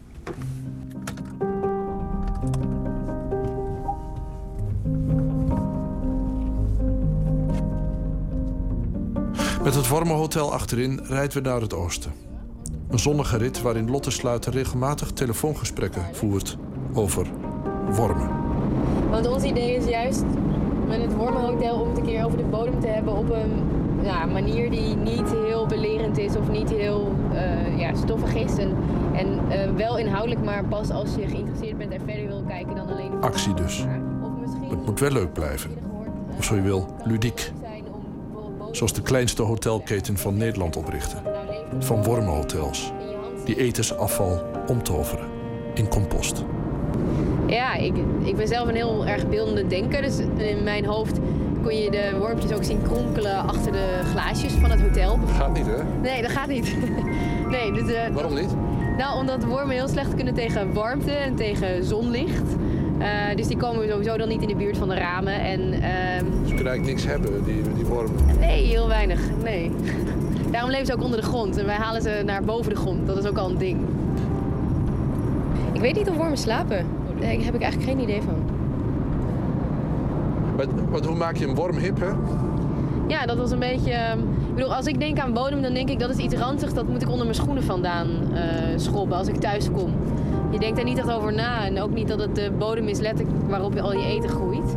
En wat ik nog wel kan herinneren uit die bodem, wat ik vroeger interessant vond... en volgens mij andere mensen ook, is dat je daar wormen uit plukte. En dat je ze probeerde in tweeën te knippen om te kijken of ze dan verder leefden en zo.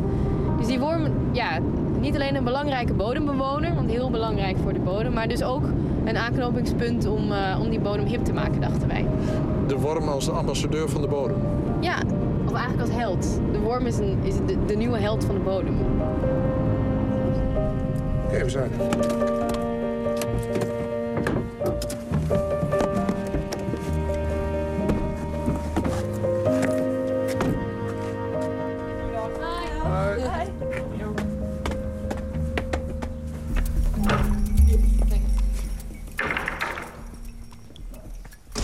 Met wat voor stuk ben je nou bezig?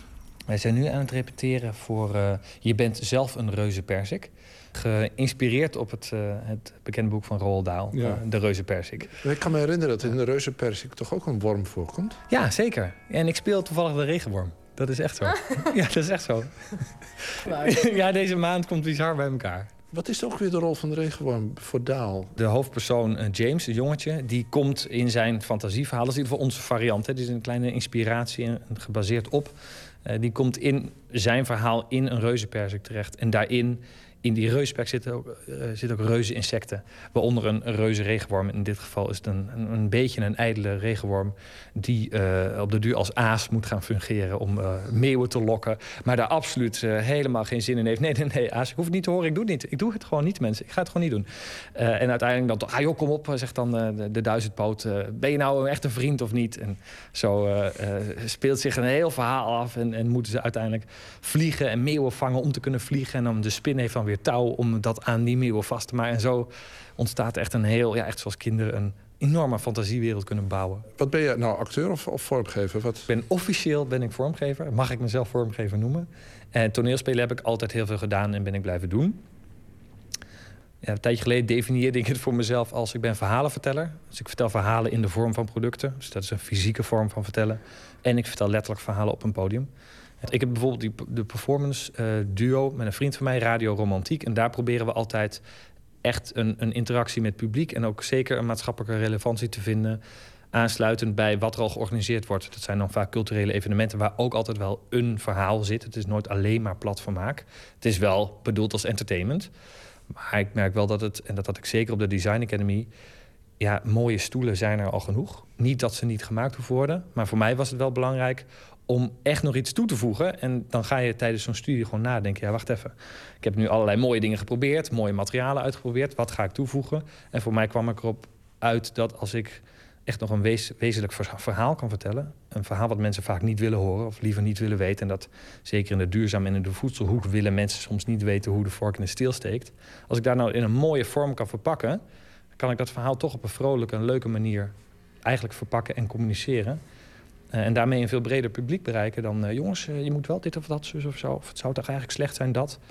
Dus ik heb ervoor gekozen om de, de humorkant eigenlijk vooral hm. te gebruiken. Zowel in mijn, in mijn spelen als in, het, als in design. Ik heb toevallig zelf ook een wormhotel gehad. Niet een hotel, maar wel zo'n wormenbak. Dus ik ken dit principe. Wat je een vertel eens. Nou, de, de, de, wormenbak uh, als concept is eigenlijk het, ik noem het, het, het thuis composteren. Dus je hebt niet meer een tuin nodig om toch je groenafval uh, eigenlijk te composteren. Met name in Amsterdam bijvoorbeeld gebeurt er helemaal niks mee. Uh, voor zover ik weet met ons groenafval. En zo'n wormenbak is heel leuk omdat je daar thuis spullen in kan doen. Daar zitten wormen in, die doen de rest van het werk. Je kunt het op je balkon houden. Um, en wij hadden thuis zo'n bak staan. Ik woonde in een woongroep en daar hadden we hem. Dus daar knikkerden we met z'n allen vrolijk ons groente in. En daar komt dus zowel de wormenthee uit, dus een soort vocht wat ook heel erg uh, uh, vruchtbaar is. Wat ik wilde zeggen, ik dacht dat je zei wat ook heel erg lekker is. Wat heel lekker is, erg aanrader. Het is heel giftig. Het is heel giftig, moet ja. sterk verdunnen. Dus 1 op 10, omdat het heel geconcentreerd is. Maar het schijnt super...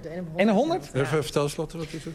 Ja, wormenthee is dus eigenlijk uh, de urine van de wormen die ze uitscheiden. En uh, dat moet je verdunnen 1 op 100 op water. Dat is echt perfecte pokon, maar dan natuurlijk. En, uh, en hoeveel wormen gaan er dan in zo? Want, want dit is, laten we zeggen, um, 80 bij 1,50.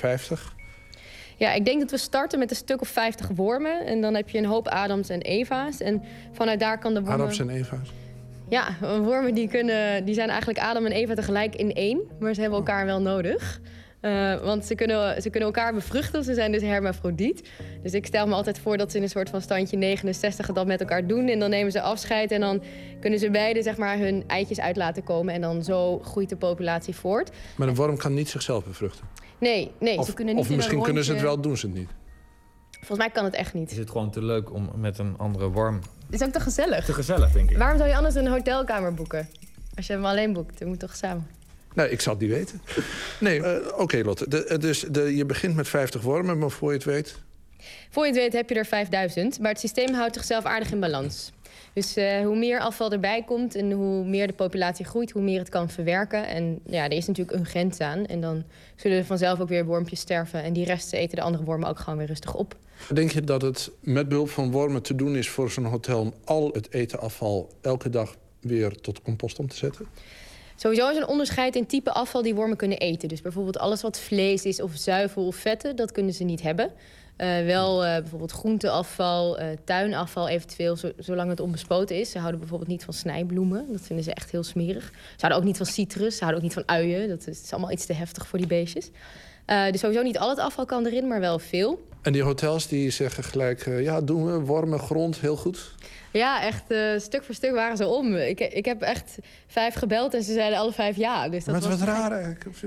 Ze waren heel enthousiast. En nog steeds, ze bellen me ook gewoon soms af en toe om te checken hoe het is. In plaats van dat ik hun zeg maar, de hele tijd achter hun kont aan moet zitten... of ze wel doen wat ik vraag. En, ja, dus dat is wat grappig. En hebben ze het al gezien? Ik heb uh, een soort van sneak peek fotootjes opgestuurd. Maar de grote onthulling laat ik nog even voor, uh, voor, het, voor het moment van lancering. En we hebben een soort van centrale lancering, die is op 8 mei. Hmm. En uh, op, een, op een mooie plek in Amsterdam willen we alle hotels groots onthullen... met minstens zes piccolo's die, uh, die daar de rode doeken vanaf trekken. Uh, en Hele kleine, langwerpige ja, piccolo's. Precies, ja. Zoiets. Ja. nou, het uh, Wormhotel heeft zijn reisje naar Arnhem gemaakt naar zijn maker, naar zijn schepper. Maar we nemen weer mee terug naar uh, Amsterdam. Ik zal er voor een tweede keer afscheid van nemen. Ja, dat, dat, dat, laat ik je even met het uh, Hotel alleen.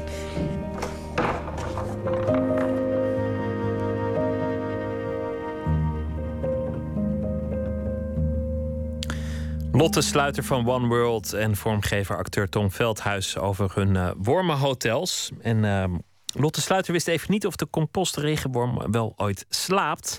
Hebben we moeten navragen bij uh, een wormenexpert Nick van Ekeren. En uh, navraag leerde dat de compostregenworm maar voldoende te eten heeft en dan nooit, nooit zal slapen. En hij vertelde ook dat regenwormen maar liefst zeven jaar oud kunnen worden, althans uh, sommige. En dat is dus eigenlijk best een, een huisdier, eigenlijk een regenworm. We gaan luisteren naar um, Hold Back the Night. Dat is het nieuwe live album van de Britse band I Am Clued. Maar we houden niet zo van live albums. Dus we gaan er eigenlijk ook maar niet naar luisteren. We gaan luisteren naar uh, de studioversie van uh, een nummer. Northern Skies.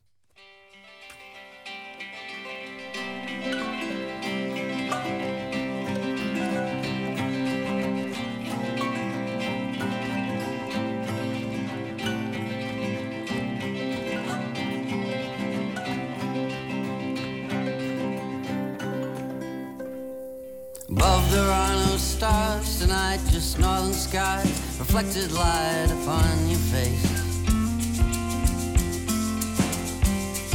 Some people think stars rule our lives, some people they think otherwise, they can be replaced. Where did you go on that big black night? Did you take the coast road back through your life? Stars that shine the light and say, well, they'll do all right for me. Shroud our lives in mysteries, brooding stars and stormy seas if we have any sense. Storm clouds roll, are free to break, and we're free to make the same mistakes again and again. Where shall we go on that big black night? Shall we take the coast road back through our lives? See the sand, the moon, the stars that shine the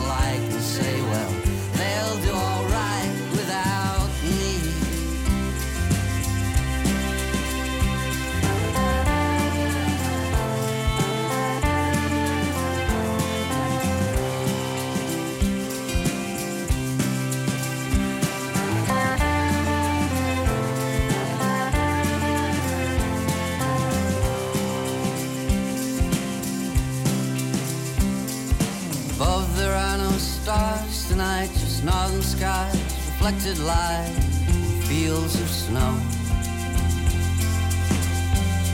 Some people think stars rule our lives, some people they think otherwise. What does anybody know? Where shall I go on that big black night? Shall I take the coast road back through my life? See the sand, the moon, the stars that shine the light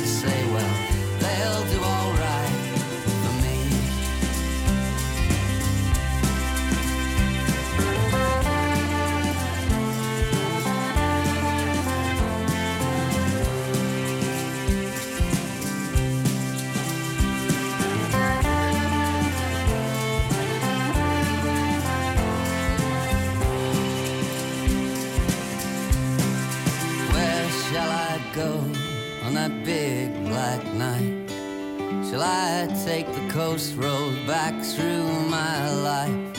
See the sand, the moon, the stars that shine the light and say, well, they'll do all right for me.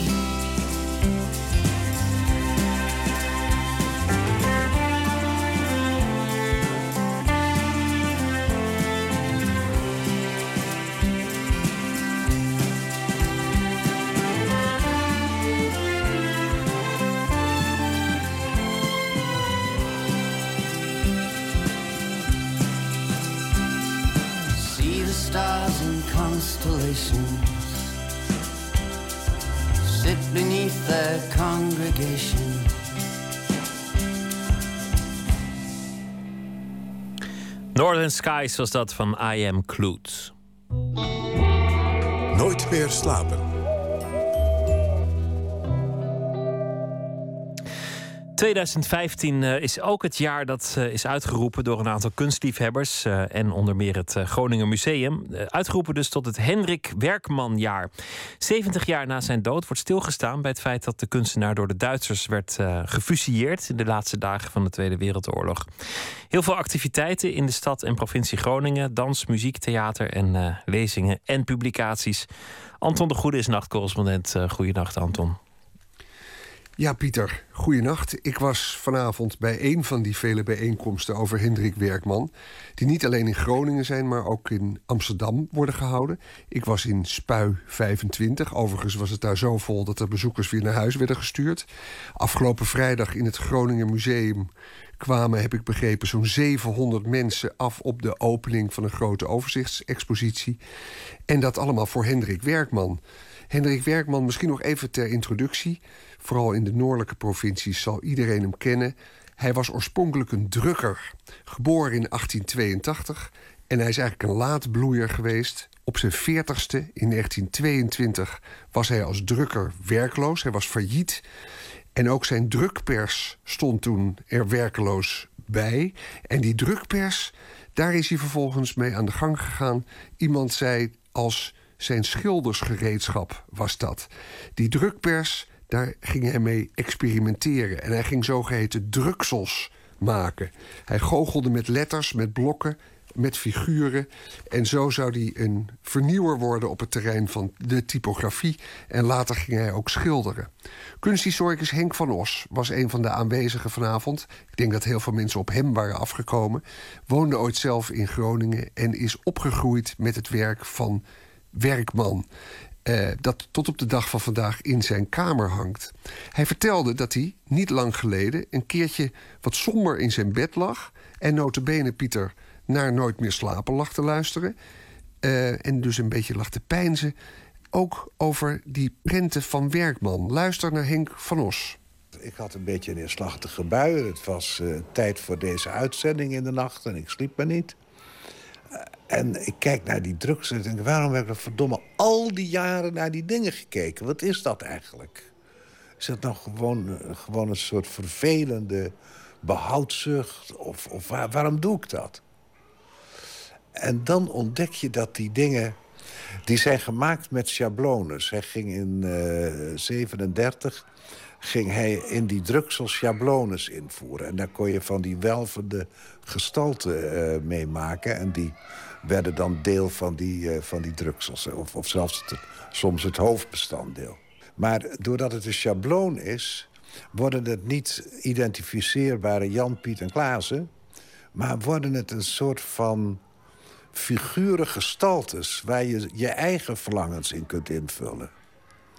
En toen ontdekte ik dat ik inderdaad... al die voorstellingen, die hebben betekenis voor me gehad. Voor troost, voor ontmoeting, voor heen gaan en terugkomen... en voor, voor ontzettend veel dingen. En daardoor heb ik ze nog steeds. En die betekenis die kan ook heel erg veranderen. En nu is het de een en dan is het de ander. En opeens werd mij dat eh, duidelijk. Dat Werkman dingen maakt die ook heel dicht bij je eigen verlangens van kunst komen. Al dus Henk van Os met uh, op de achtergrond uh, de geluiden van de losgebarsten lente, kwetterende vogels en uh, krijzende kinderen. Mooi wat hij ja. zegt over de verlangens ja, die tot uiting komen in, in dat werk van Werkman. Zeker. Um, en hij ging vanavond op prachtige manier in op het belang van de kunst voor Werkman zelf. Hij had uh, nog eens goed naar de inhoud van Werkmans teksten gekeken. Wat hij vroeger eigenlijk nooit had gedaan. Die teksten waarmee hij dus die typografische uh, experimenten deed, Werkman. En Van Os die zei, ja, bij modernistische kunst zijn we eigenlijk getraind... om niet naar de betekenis van woorden te kijken... Um, maar dat heb ik nu eens wel gedaan. Wat schreef hij nou eigenlijk? Luister naar wat het inzicht was dat hij daarbij kreeg. Als je die teksten serieus neemt en uh, de onderwerpen ook uh, echt goed ziet... dan tekent zich daar de functie van kunst voor Werkman af. Die man was zelf uitermate zwijgzaam. En dus maakt hij zijn grootste schilderij over het gesprek. En nog iets anders, het verstoorde gesprek. Dus hij reflecteert verschrikkelijk op zichzelf. En die kunst is een uiting van een mogelijkheid voor hem om, hoe moet ik dat nou zeggen, om te spelen, om vreugde te beleven, om te experimenteren, om al die dingen te doen uh, die in het gewone leven voor hem een stuk moeilijker waren. Van Os, uh, die zei net, het was een zwijger, die werkman. En misschien daarom ook juist bijzonder dat een andere Noorderling, Meindert Talma, bezig is muziek te maken, geïnspireerd op het leven van Hendrik Werkman. Um, we hebben Meindert Talma gevraagd iets te laten horen. Uh, hij was vandaag bij de mixer, maar we kunnen zo meteen toch een fragment laten horen. Het is nog niet uit. Um, ik vroeg hem ook, deze Meindert Talma, de zanger wat hij precies aan het doen was met, uh, met Werkman, wat hij gedaan heeft. Ik heb het leesverhaal van Hendrik Werkman uh, dus op muziek gezet. Uh, geschreven vanuit de ik vertellen, dus Hendrik is steeds aan het woord. En begint met zijn eh, geboorte in Leens op het Hoge Land. eh, en het eindigt ja, dat hij eh, in de hemel eh, zijn werk nog een beetje nabeschouwt. Al dus uh, Meinder Talma via zijn, uh, nou ja, zijn telefoon Ja, die in het water heeft gelegen, denk ik. ja. ja, hij zei: Ik heb nog een ouderwetse Nokia en ik sta hier in de studio en de, de- het klinkt allemaal niet zo goed. Maar die liederencyclus die hij gemaakt heeft over dat leven van eh, Hendrik Werkman, dat klinkt wel goed. Een klein voorproefje. Als gezegd, hij was vandaag bij de mixer. Het is nog niet eerder op de radio geweest, dus dit is een, eh, een première. Heel klein fragment uit het nummer De Ploeg. Vriendschap is moeilijk, vriendschap is het hoogste wat er is. De weinige vrienden die ik had, waren kunstenaar net zoals ik. We noemden ons de ploeg, bonte verzameling van kunstenaars. We kozen kleuren en vormen die pasten bij onze eigen aard. Weg met de kou, weg met de huiver. De aarde heeft lang genoeg gesluimerd. Onder het dorre kost, wij zijn de ploeg en hebben een grote dorst. We zijn de schilders van de ploeg. We woelen de aarde om. We trekken nieuwe voren in het land onder de Groningse zon. Een eh, voorproefje op een album van Meinder Talma dat eraan zit te komen. Mede geïnspireerd op, eh, op het werk van Hendrik eh, Werkman. Heel veel herdenkingen, heel veel aandacht voor de man. De, de aanleiding is natuurlijk ook het ehm, einde van zijn, zijn leven... dat dan eh 70 jaar geleden is.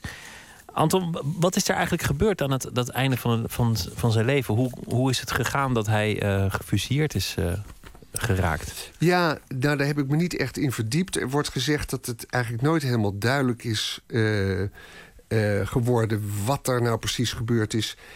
Henk van Os die had het er heel even over vanavond. En die zei: eigenlijk door een ongelukkig toeval bijna is hij gepakt, opgepakt, gefusilleerd in de laatste dagen van de oorlog.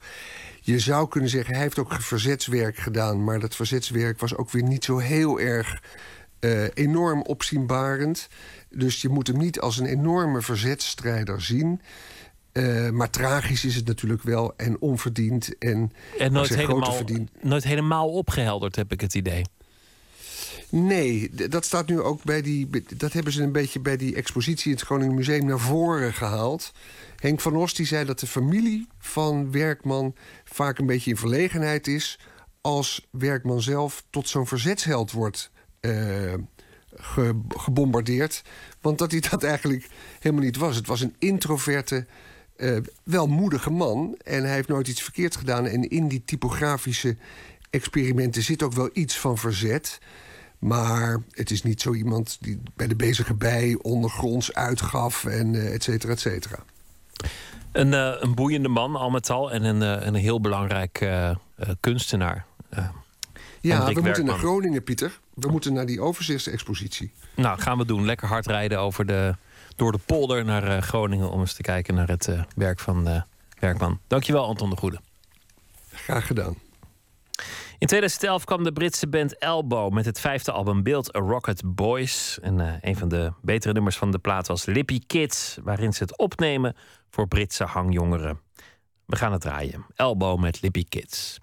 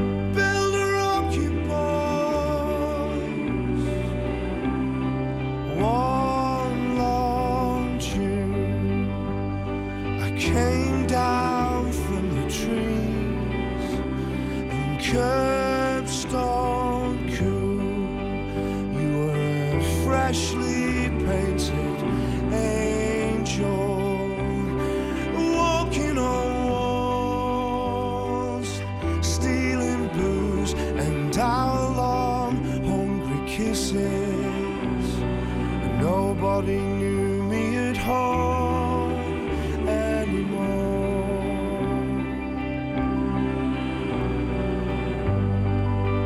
Builder occupies,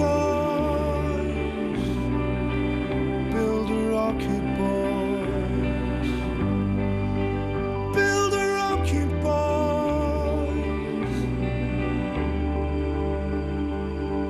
Lippy kids on the corner.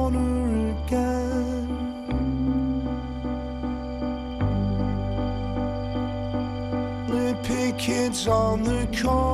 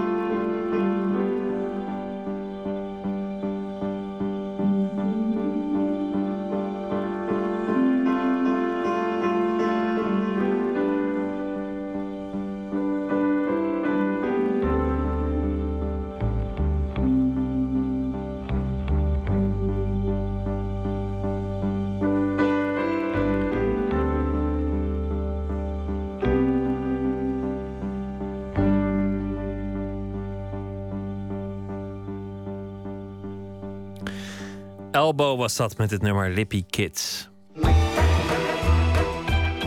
Nooit meer slapen. Baywatch, maar dan eh, anders. Utrechtse studenten die de stranden van Texel bewaken. Ze hebben hun eigen taal, hun eigen opvatting, hun eigen mores. Maar hun taak is wel degelijk serieus. Kan dat eigenlijk wel? Die combinatie van spel, en het serieus redden van drenkelingen. Floortje Smit vroeg het aan Judith de Leeuw, zelf opgegroeid op Texel... die een zomer lang de Bademeisters volgde voor haar gelijknamige documentaire.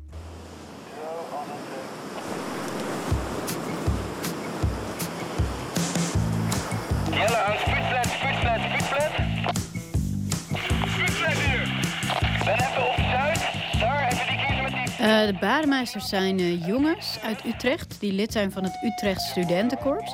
En die uh, bewaken in de zomer de stranden van Texel. We zijn in Giezer naast de Noordwellenbrecher Vis. Ja, die ben je allemaal kwietsturen. Deze traditie dat, dat de stranden worden bewaakt door, door deze jongens van het USC... Die bestaat al sinds 1950. Dus sommige van die jongens, hun opa of hun vader zijn ook badmeester geweest op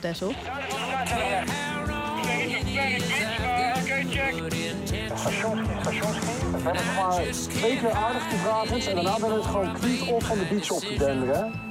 Zij spreken met elkaar een uh, geheime taal, dat noemen ze APT, Algemeen Puur Tessels. Dat hebben ze zelf uh, ontwikkeld. En dat is eigenlijk in de loop der jaren steeds uh, gegroeid.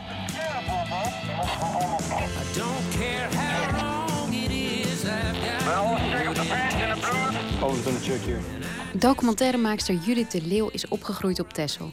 En daarom wist ze van het bestaan van deze brallende badmeesters. Mijn hele leven zie ik ze al uh, over het strand rennen. En um, dan, dan dacht ik van, oh, is er iets aan de hand? Er, er verdrinkt iemand. Maar dan waren ze weer elkaar aan het redden. En eigenlijk in de zomer van 2012, toen was mijn neefje was in het glas gaan staan. En die had heel veel bloed aan zijn voet. En toen um, gingen we naar de badhut, zoals zij het noemen. Dat huisje waar zij helpen. En nou ja, daar zag ik die jongens en die, waren, die reageerden op zich heel goed. Ze wilden hem heel erg graag helpen. Maar ik zag ook dat die jongens echt heel erg jong waren. En dat ze eigenlijk heel erg geschrokken van al het bloed en dat heel hard huilende kind. En dat ze eigenlijk bij wijze van spreken eventjes achterom keken of er iemand was die, die hun nu ging helpen. En um, ja, en dat, dat moment ineens zag ik van, hey, daar zit misschien wel een film in. Omdat het soort grappig, ja, dat zij wel een hele grote verantwoordelijkheid hebben. Maar toch ook heel jong zijn. Van Subje ben jij, hè? Nu En voor de barhuis staat, scanners. Het gewoon same wat je moet hebben deen. En toen oude hoeren zeggen Jesus als ze iets te vragen is. Ja? Als je het horen is binnen. Eh, Subchain. Paul Subchain hier. Ja? Vraag we wel al die systeempjes van, uh, van zo kwito hebben bij mensen. Gewoon makkelijk als je het zo op deen, ja? Gewoon niet meer skieten hebben deen, of weer skieten. Zeker niet. Barhuis, Subchain aan Fischer. Het is echt een eer om als uh, bademeister gevraagd te worden. Twee jaar lang kun je bademeister zijn. En de jongens die er voor de tweede keer zijn, leiden de jongens die er voor de eerste keer zijn op. En dat proces volgde documentairemaakster Judith de Leeuw een zomer lang. Dus die jongens zitten echt negen weken lang, 24 uur per dag, gewoon op elkaars lip. Scherp, scherp, altijd scans. Jij moet gewoon vijf klauwen hebben, dus dan ben ik check. Ik ben een beetje als het productje van, uh, van de grote poorbaalsgevoelens. Side. Ik wilde gewoon heel graag um, dat de camera een soort onderdeel van hun werd. En uh, dat ze niet zouden reflecteren. Uh, dus geen interviews en geen voiceovers. Maar heel erg in het moment. Die soort bubbel waarin zij met z'n allen zitten, die wilde ik heel graag laten zien. Of daar ja, voelbaar maken.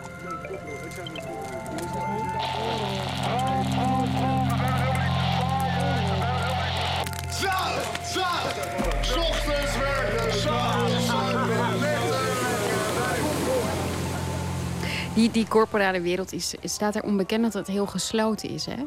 Um, en dat ze ook niet heel graag gefilmd worden. Was dat hier ook lastig?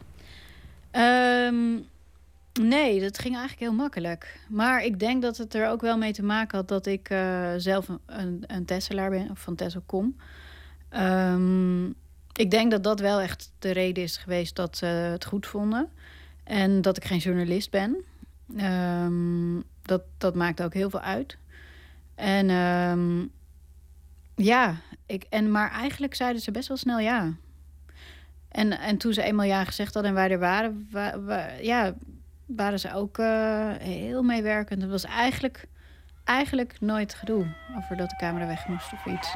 Eigenlijk niet. En die Pia Steve, wat ben ze tiet? 4 minuut 25. Ben echt nergens op de Klaas. Je wilt toch bademeister worden? Hoezo ben je dan zo'n ontzettend poorloze stiefel? 4 minuten 25 ben je echt nergens op te slaan, hè? Je bent er volop op makkelijk. Je bent recht naar de ploertenstiefel, ja? Recht naar beneden. Ben je naar links ben gaan, ja? Aantikken, rechts ben gaan. Mullen beach, kleine stapjes op je tenen.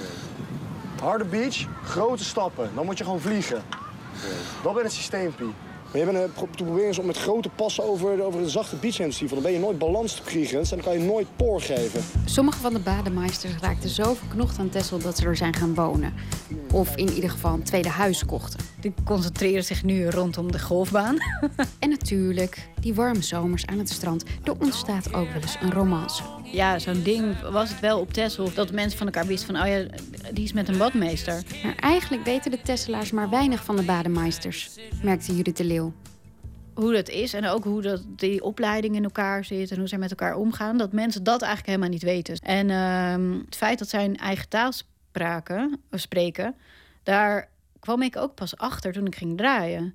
Terwijl ik dus wel had geresearched en die jongens allemaal in Utrecht al had gesproken. Maar niemand had me dat verteld. En ik, al, eh, zeg maar, mijn vrienden die ook eh, opgegroeid zijn op Tesla nu gewoon ergens eh, in het land wonen, die wisten het ook allemaal niet. En ik denk dat heel veel Teslaars dat niet weten. Dat is wel heel grappig. Hoe lang duurde het voordat je ze ook daadwerkelijk verstond? Ja, nou, dat ging best snel. Maar ehm, terwijl ik eigenlijk helemaal niet zo'n uh, talenknol heb in die zin. maar maar ehm, ehm, ja, ik heb gewoon voordat ik, eh, de rest van de crew kwam... best wel veel tijd alleen daar doorgebracht. Omdat ik dan dacht van als ik hier gewoon heel lang blijf zitten... dan raak ze zo aan mij gewend dat ze me een beetje vergeten. En dat werkte ook wel. En toen... ehm, en, en dan heb ik wel eh, nou, woorden opgeschreven en dan later aan hun gevraagd hoe zit het als ik het niet. En zo een beetje ontrafeld. En eigenlijk mijn editor in de montage die had het ook wel heel snel in de gaten. Maar, maar de, toen we de eerste versie van de film hadden gemonteerd, wilden we ook geen ondertiteling. Omdat de editor en ik zo erg erin zaten dat we dachten: nee, dat hoeft niet, dat snapt iedereen gelijk. Maar dat werkte toch niet. Bij de eerste viewing bleek wel dat het soort mensen echt naar een soort Chinezen zaten te kijken. Die begrepen er echt helemaal niks van. En geen, de grapjes bleven helemaal niet overeind. Dus, dat, dus toen hebben we er toch voor gekozen om, uh, om gewoon Nederlands te ondertitelen. Rood zwembroekje met blauw met geel een streepje zo. Ja. En twee uh, zwemvliesjes. Gewoon van... Uh, Hoe heet hij? Ties. Ik ben een productje kwijt. Ik ben een Ties toe heet is. Dit is natuurlijk een beetje de vooravond van hun volwassen leven. En uh, het is nog niet voor het echi, maar ze hebben wel die verantwoordelijkheid al. Dus dat daar, in die zin is het een heel raar moment. Uh, want ze spelen nog een beetje hun spel, zoals ze dat altijd spelen, ook uh, thuis en op de, op, op de sociëteit. Maar nu ineens is het in een, in een, in een serieuze volwassen plek. En daar zetten ze hun spel gewoon voort. En um, ja, ja, en, ik, en dat, dat, ik denk dat dat wel veel zegt over hoe het verder gaat met in, in het leven. Ja, maar ze moeten ook gewoon wel mensen redden natuurlijk. Ik bedoel, het is, het is een spelletje, maar het is echt wel een heel bloedserieus spel. Ze hebben wel echt een verantwoordelijkheid. En je hebt het, echt, het is namelijk echt gevaarlijk. En uh, ja, en er, er, raken kinderen kwijt. En uh, mensen hebben, nou ja, glas in hun voet en dat soort dingen. En uh, daar moeten ze wel, dan moeten ze er wel staan. En, en dat doen ze ook. Ze zijn er ook elke dag om negen uur, van negen tot zes staan ze paraat. Dat is, dat is absoluut het geval. Ja, wat ik, wat ik heel grappig vond, is, is dat je die combinatie laat zien hè, tussen dat, dat gebral eigenlijk, wat ze nog steeds doen. En, um, ja, en die verantwoordelijkheid die er opeens op ligt. Ja, ja, dat vond ik zelf ook wel in die uh, scène waarin zij die biertjes ineens als een soort drankspelletje hebben in één keer achterover staan. En dan op een gegeven moment gaan ze praten over hoe onverantwoordelijk ouders wel niet zijn. En, um, en, en dan zeggen ze ook van, uh, ja, wat denken die ouders nou? Dat het gewoon relaxed is om met je kleine kinderen naar het strand te gaan, dat je dan lekker kunt uitrusten. Nou, dat is helemaal niet zo. Je moet gewoon de hele tijd opletten. En dat vond ik best wel grappig, want die jongens zijn allemaal 18, 19 jaar. En dat is toch een heel wijs inzicht. Want ik dacht, oh ja, dat heb ik ook altijd. Dat ik denk dat het relaxed is, maar het is helemaal niet relaxed. En ja, ik, ik ben dan gelukkig nog nooit eh, niet kwijtgeraakt op het strand. Ik zou er ook niet aan moeten denken, maar... Ehm, maar ik vond het heel, wel heel grappig dat het toch wel echt iets met hun blik, blik ja, ja, op dat soort situaties in ieder geval op de wereld dat weet ik niet, maar uh, toch doet. Dat is in zekere zin een heel wijs en volwassen inzicht. Ja, dus dat is heel grappig. En dan hebben ze het gezegd en dan gaan ze weer door met de orde van de dag, namelijk het drankspelletje.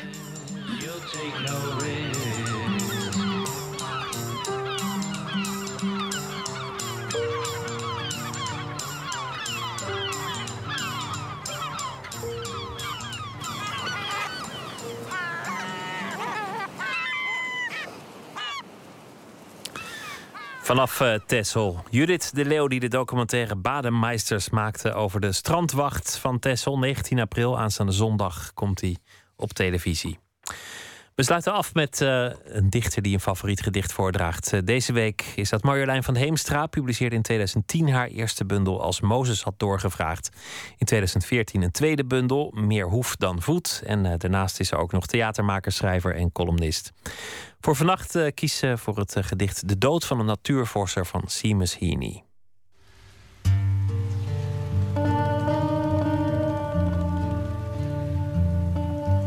Uh, dit is een gedicht van Seamus Heaney uit de bundel De Verzamelde Werken, het Eerste Koninkrijk. En dat is vertaald door Peter Nijmeijer. En dit gedicht hoorde ik op de middelbare school. En het was eigenlijk het eerste gedicht in mijn leven waardoor ik zo'n beetje verpletterd werd. Omdat het heel mooi is van taal, maar ook heel angstaanjagend. Uh, de dood van een natuurvorser. Heel het jaar lag de Vlasdam te rotten in het hart van de buurtschap. Groen en met hangende toppen lag Vlas daar weg te teren, neergedrukt door grote zoden. Dag in, dag uit lag het te broeien in de gezelende zon.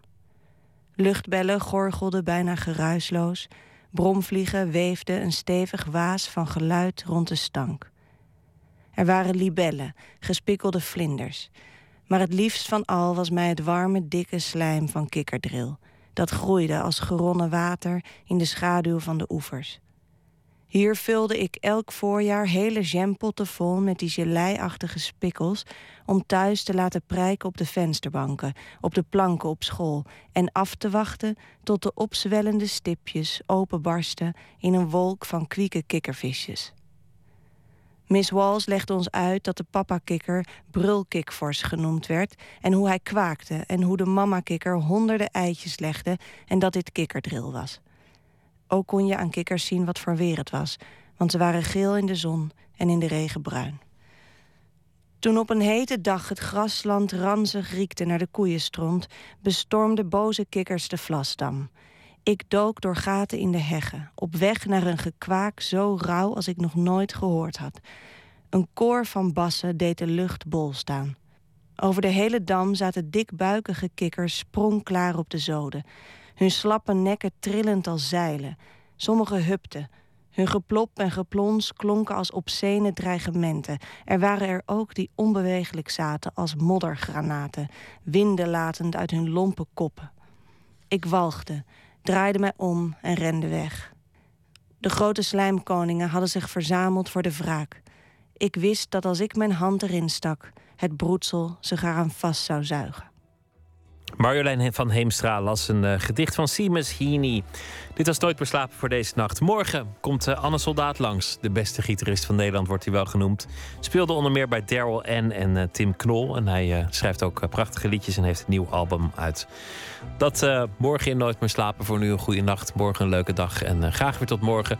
Zometeen op NPO Radio 1. Kees Dorenstein namens de VARA met Top Radio. Goeienacht.